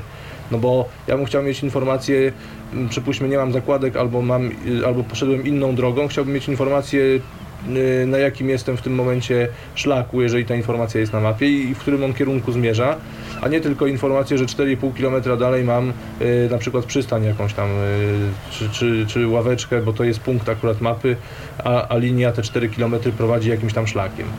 I tego no, trochę mi brakuje u tych współczesnych twórców, y, czy tego CU, y, nie, nie przepraszam, Move Assistant, tak? Tak, Sync Assistant Move. Assistant Move. Tam y, próbowałem swego czasu twórców namówić, żeby nie, nie, tylko punkty, ale i linie, i obszary. No ale to tak jak kiedyś próbowałem różnych ludzi namawiać, żeby stworzyli grmapę, nie udało mi się ich przekonać. No musiałeś stworzyć sam, to może jeszcze, jeszcze trochę i zaskoczysz nas jakąś aplikacją do nawigacji. No, byłoby fajnie, ale mówię, no, roz, y, no ta rozpiętość tych, y, chyba, że ktoś kiedyś może opracuje jakąś wspólną platformę deweloperską, która dodatkowo będzie jeszcze dostępna dla nas i dla gadaczy, platformę deweloperską, w której jednym, w jednym pliku będzie można wyklepać y, apkę na Androida, iPhone'a i co tam wtedy jeszcze będzie, że tak powiem, w użyciu, no to wtedy byłby to pewnie też ciekawy patent, żeby z taką mobilną technologią się zmierzyć.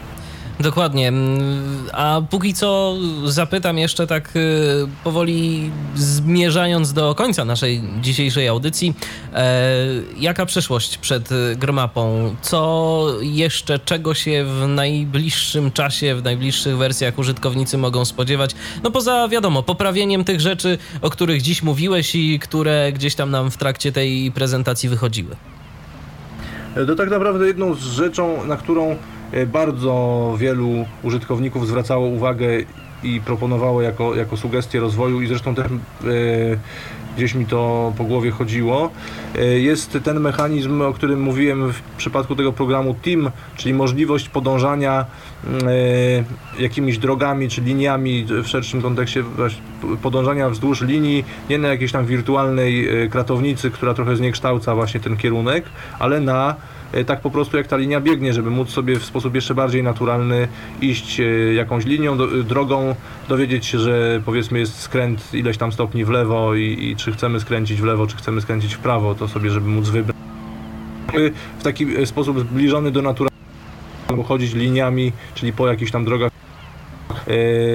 wygodniej, ale do tego właśnie jest potrzebny te trochę matematyki, której mi jeszcze w no i też odpowiedzi na te kilka pytań, których też jeszcze nie mam opracowanych w głowie, czyli co zrobić, jeżeli droga skręca o, na co 10 metrów o 1 stopień, więc 1 stopień to jest na tyle małe odchylenie, że użytkownik nie powinien nawet o tym wiedzieć, ale w końcu się to sumuje i jest nagle o 45 stopni e, odwrócony w lewo użytkownik, a nie ma o tym pojęcia, bo, bo program mu tego nie powiedział, więc to są takie tam drobiazgi, Natomiast y, te, ten eksplorator linii na pewno jest jedną z rzeczy, które jak już będą, Drugą rzeczą, jak y, Tomasz przygotuje zestaw lepszych dźwięków, to wtedy będę mógł powiedzieć, że już przeskakujemy z wersji 0.99.99 do wersji pierwszej wersji, że tak powiem, pełnej, czyli do wersji 1.0. Wspomniałeś o dźwiękach, a czy jeszcze jest coś, y, w czym użytkownicy programu poza wyłapywaniem błędów e, mogliby pomóc? E, czego na przykład gdzieś tam jeszcze brakuje tej aplikacji, a co by się przydało? E, no oczywiście, że tak. E, rzeczą najważniejszą, znaczy w przyszłości, jak już e, uda się ten przeskok kwantowy z ANSI do Unicodu, o którym mówiłem na początku i będzie można robić wersje międzynarodowe, to na pewno kwestia tłumaczenia podręcznika i tłumaczenia komunikatów programu będzie takim fajnym zadaniem dla, dla kogoś, kto by, by chciał ten zinternacjonalizować program. Natomiast na dzisiaj to, co można fajnego zrobić i dla siebie, i dla innych użytkowników gr mapy, i dla w ogóle użytkowników mapy UMP, no to jest właśnie możliwość y, wspomniana wcześniej przesyłania y, punktów uzupełniania mapy o punkty, których jeszcze tam nie ma. Lub nawet y, gdyby dla bardziej ambitnych, chociaż jeszcze się tego też nawet w to nie bawiłem, nawet ja osobiście, możliwość przesyłania całych śladów dróg, czy linii, nie tylko punktów, ale nawet jakichś linii, jeżeli jest droga, której na mapie nie ma, a mamy możliwość przejścia się z nią z loadstone'em, zapisujemy loga z takiej drogi na plik, konwertujemy go do formatu GPX, bo w takim, w takim e, formacie pracuje UMP i ten GPX przesyłamy w zgłoszeniu do uzupełnienia mapy e, i dzięki temu korzystają nie tylko właśnie użytkownicy mapy, ale w ogóle wszyscy, którzy i wizualnie i na rowerach, na odbiornikach garminowskich i na wszystkich innych po prostu korzystają z tej mapy UMP, więc jest korzyść dla e, wszystkich zainteresowanych. A zatem zapraszamy do korzystania z grmapy, do jej pobierania, do używania i do dzielenia się punktami nie tylko ze społecznością grmapy, ale także i całą społecznością UMP dzięki temu. Yy, a, no a jeszcze, i... przepraszam, tak? wejdę w słowo, bo jeszcze zawarta na pewno wzmianki i o tym też myślę i pamiętam. E, kwestia podniesienia, tak jak mamy teraz możliwość wczytania swoich punktów, y, jakichś tam punktów kontrolnych jako zakładek, to właśnie możliwość loga, pliku log z Loadstona y, jako linii użytkownika, która się by nam mogła pojawić na mapie, żebyśmy mogli prześledzić całą jakąś trasę, którą przeszliśmy sobie z Loadstonem i zobaczyć, gdzie się było. A ja jeszcze na sam koniec y, chciałem zapytać o rzecz, o której w ferworze dyskusji na temat y, programu zapomnieliśmy zupełnie, a jest chyba najistotniejsza, albo przynajmniej jedną z najbardziej istotnych rzeczą to jest, mianowicie skąd gier mapę można pobrać. A, świetne, właśnie też się nad tym zastanawiałem, kiedy ten adres padnie, ale dla najbardziej wytrwałych, y, którzy dotrwali do końca ci bardziej niecierpliwi to pewnie sobie z wyszukiwarki spokojnie odnaleźli, ale ci najbardziej wytrwali e, grmapa.zlotowicz.pl czyli Złotowicz bez, e, bez diakrytyków polskich. A zatem zachęcamy do pobierania. Program jest y, zupełnie darmowy, można ściągać, można korzystać. No i oby się Grmapa przydała jak największej ilości użytkowników. Y, bardzo serdecznie dziękuję Wam za y, dzisiejszą audycję. Jeszcze nam tu ładnie szum morza towarzyszy. Już, już prawie w Szwecji jesteśmy chyba. Tak mi się wydaje. Aczkol, aczkolwiek... Nie, ja, się nie, ja się nie ruszam. Aha, aha. Myślałem, że, myślałem, że wiesz, tylko, tylko pamiętacie, co Rudy Schubert tam śpiewał, że panowie na materacu, do Szwecji w odwrotnym kierunku. No, ale w każdym razie yy, gdzieś tam sobie w tym momencie na morzu jesteśmy, naszym pięknym bałtyckim i tu zostawiamy Was tak trochę wirtualnie i dziękujemy za uwagę. Ja dziękuję moim dzisiejszym gościom.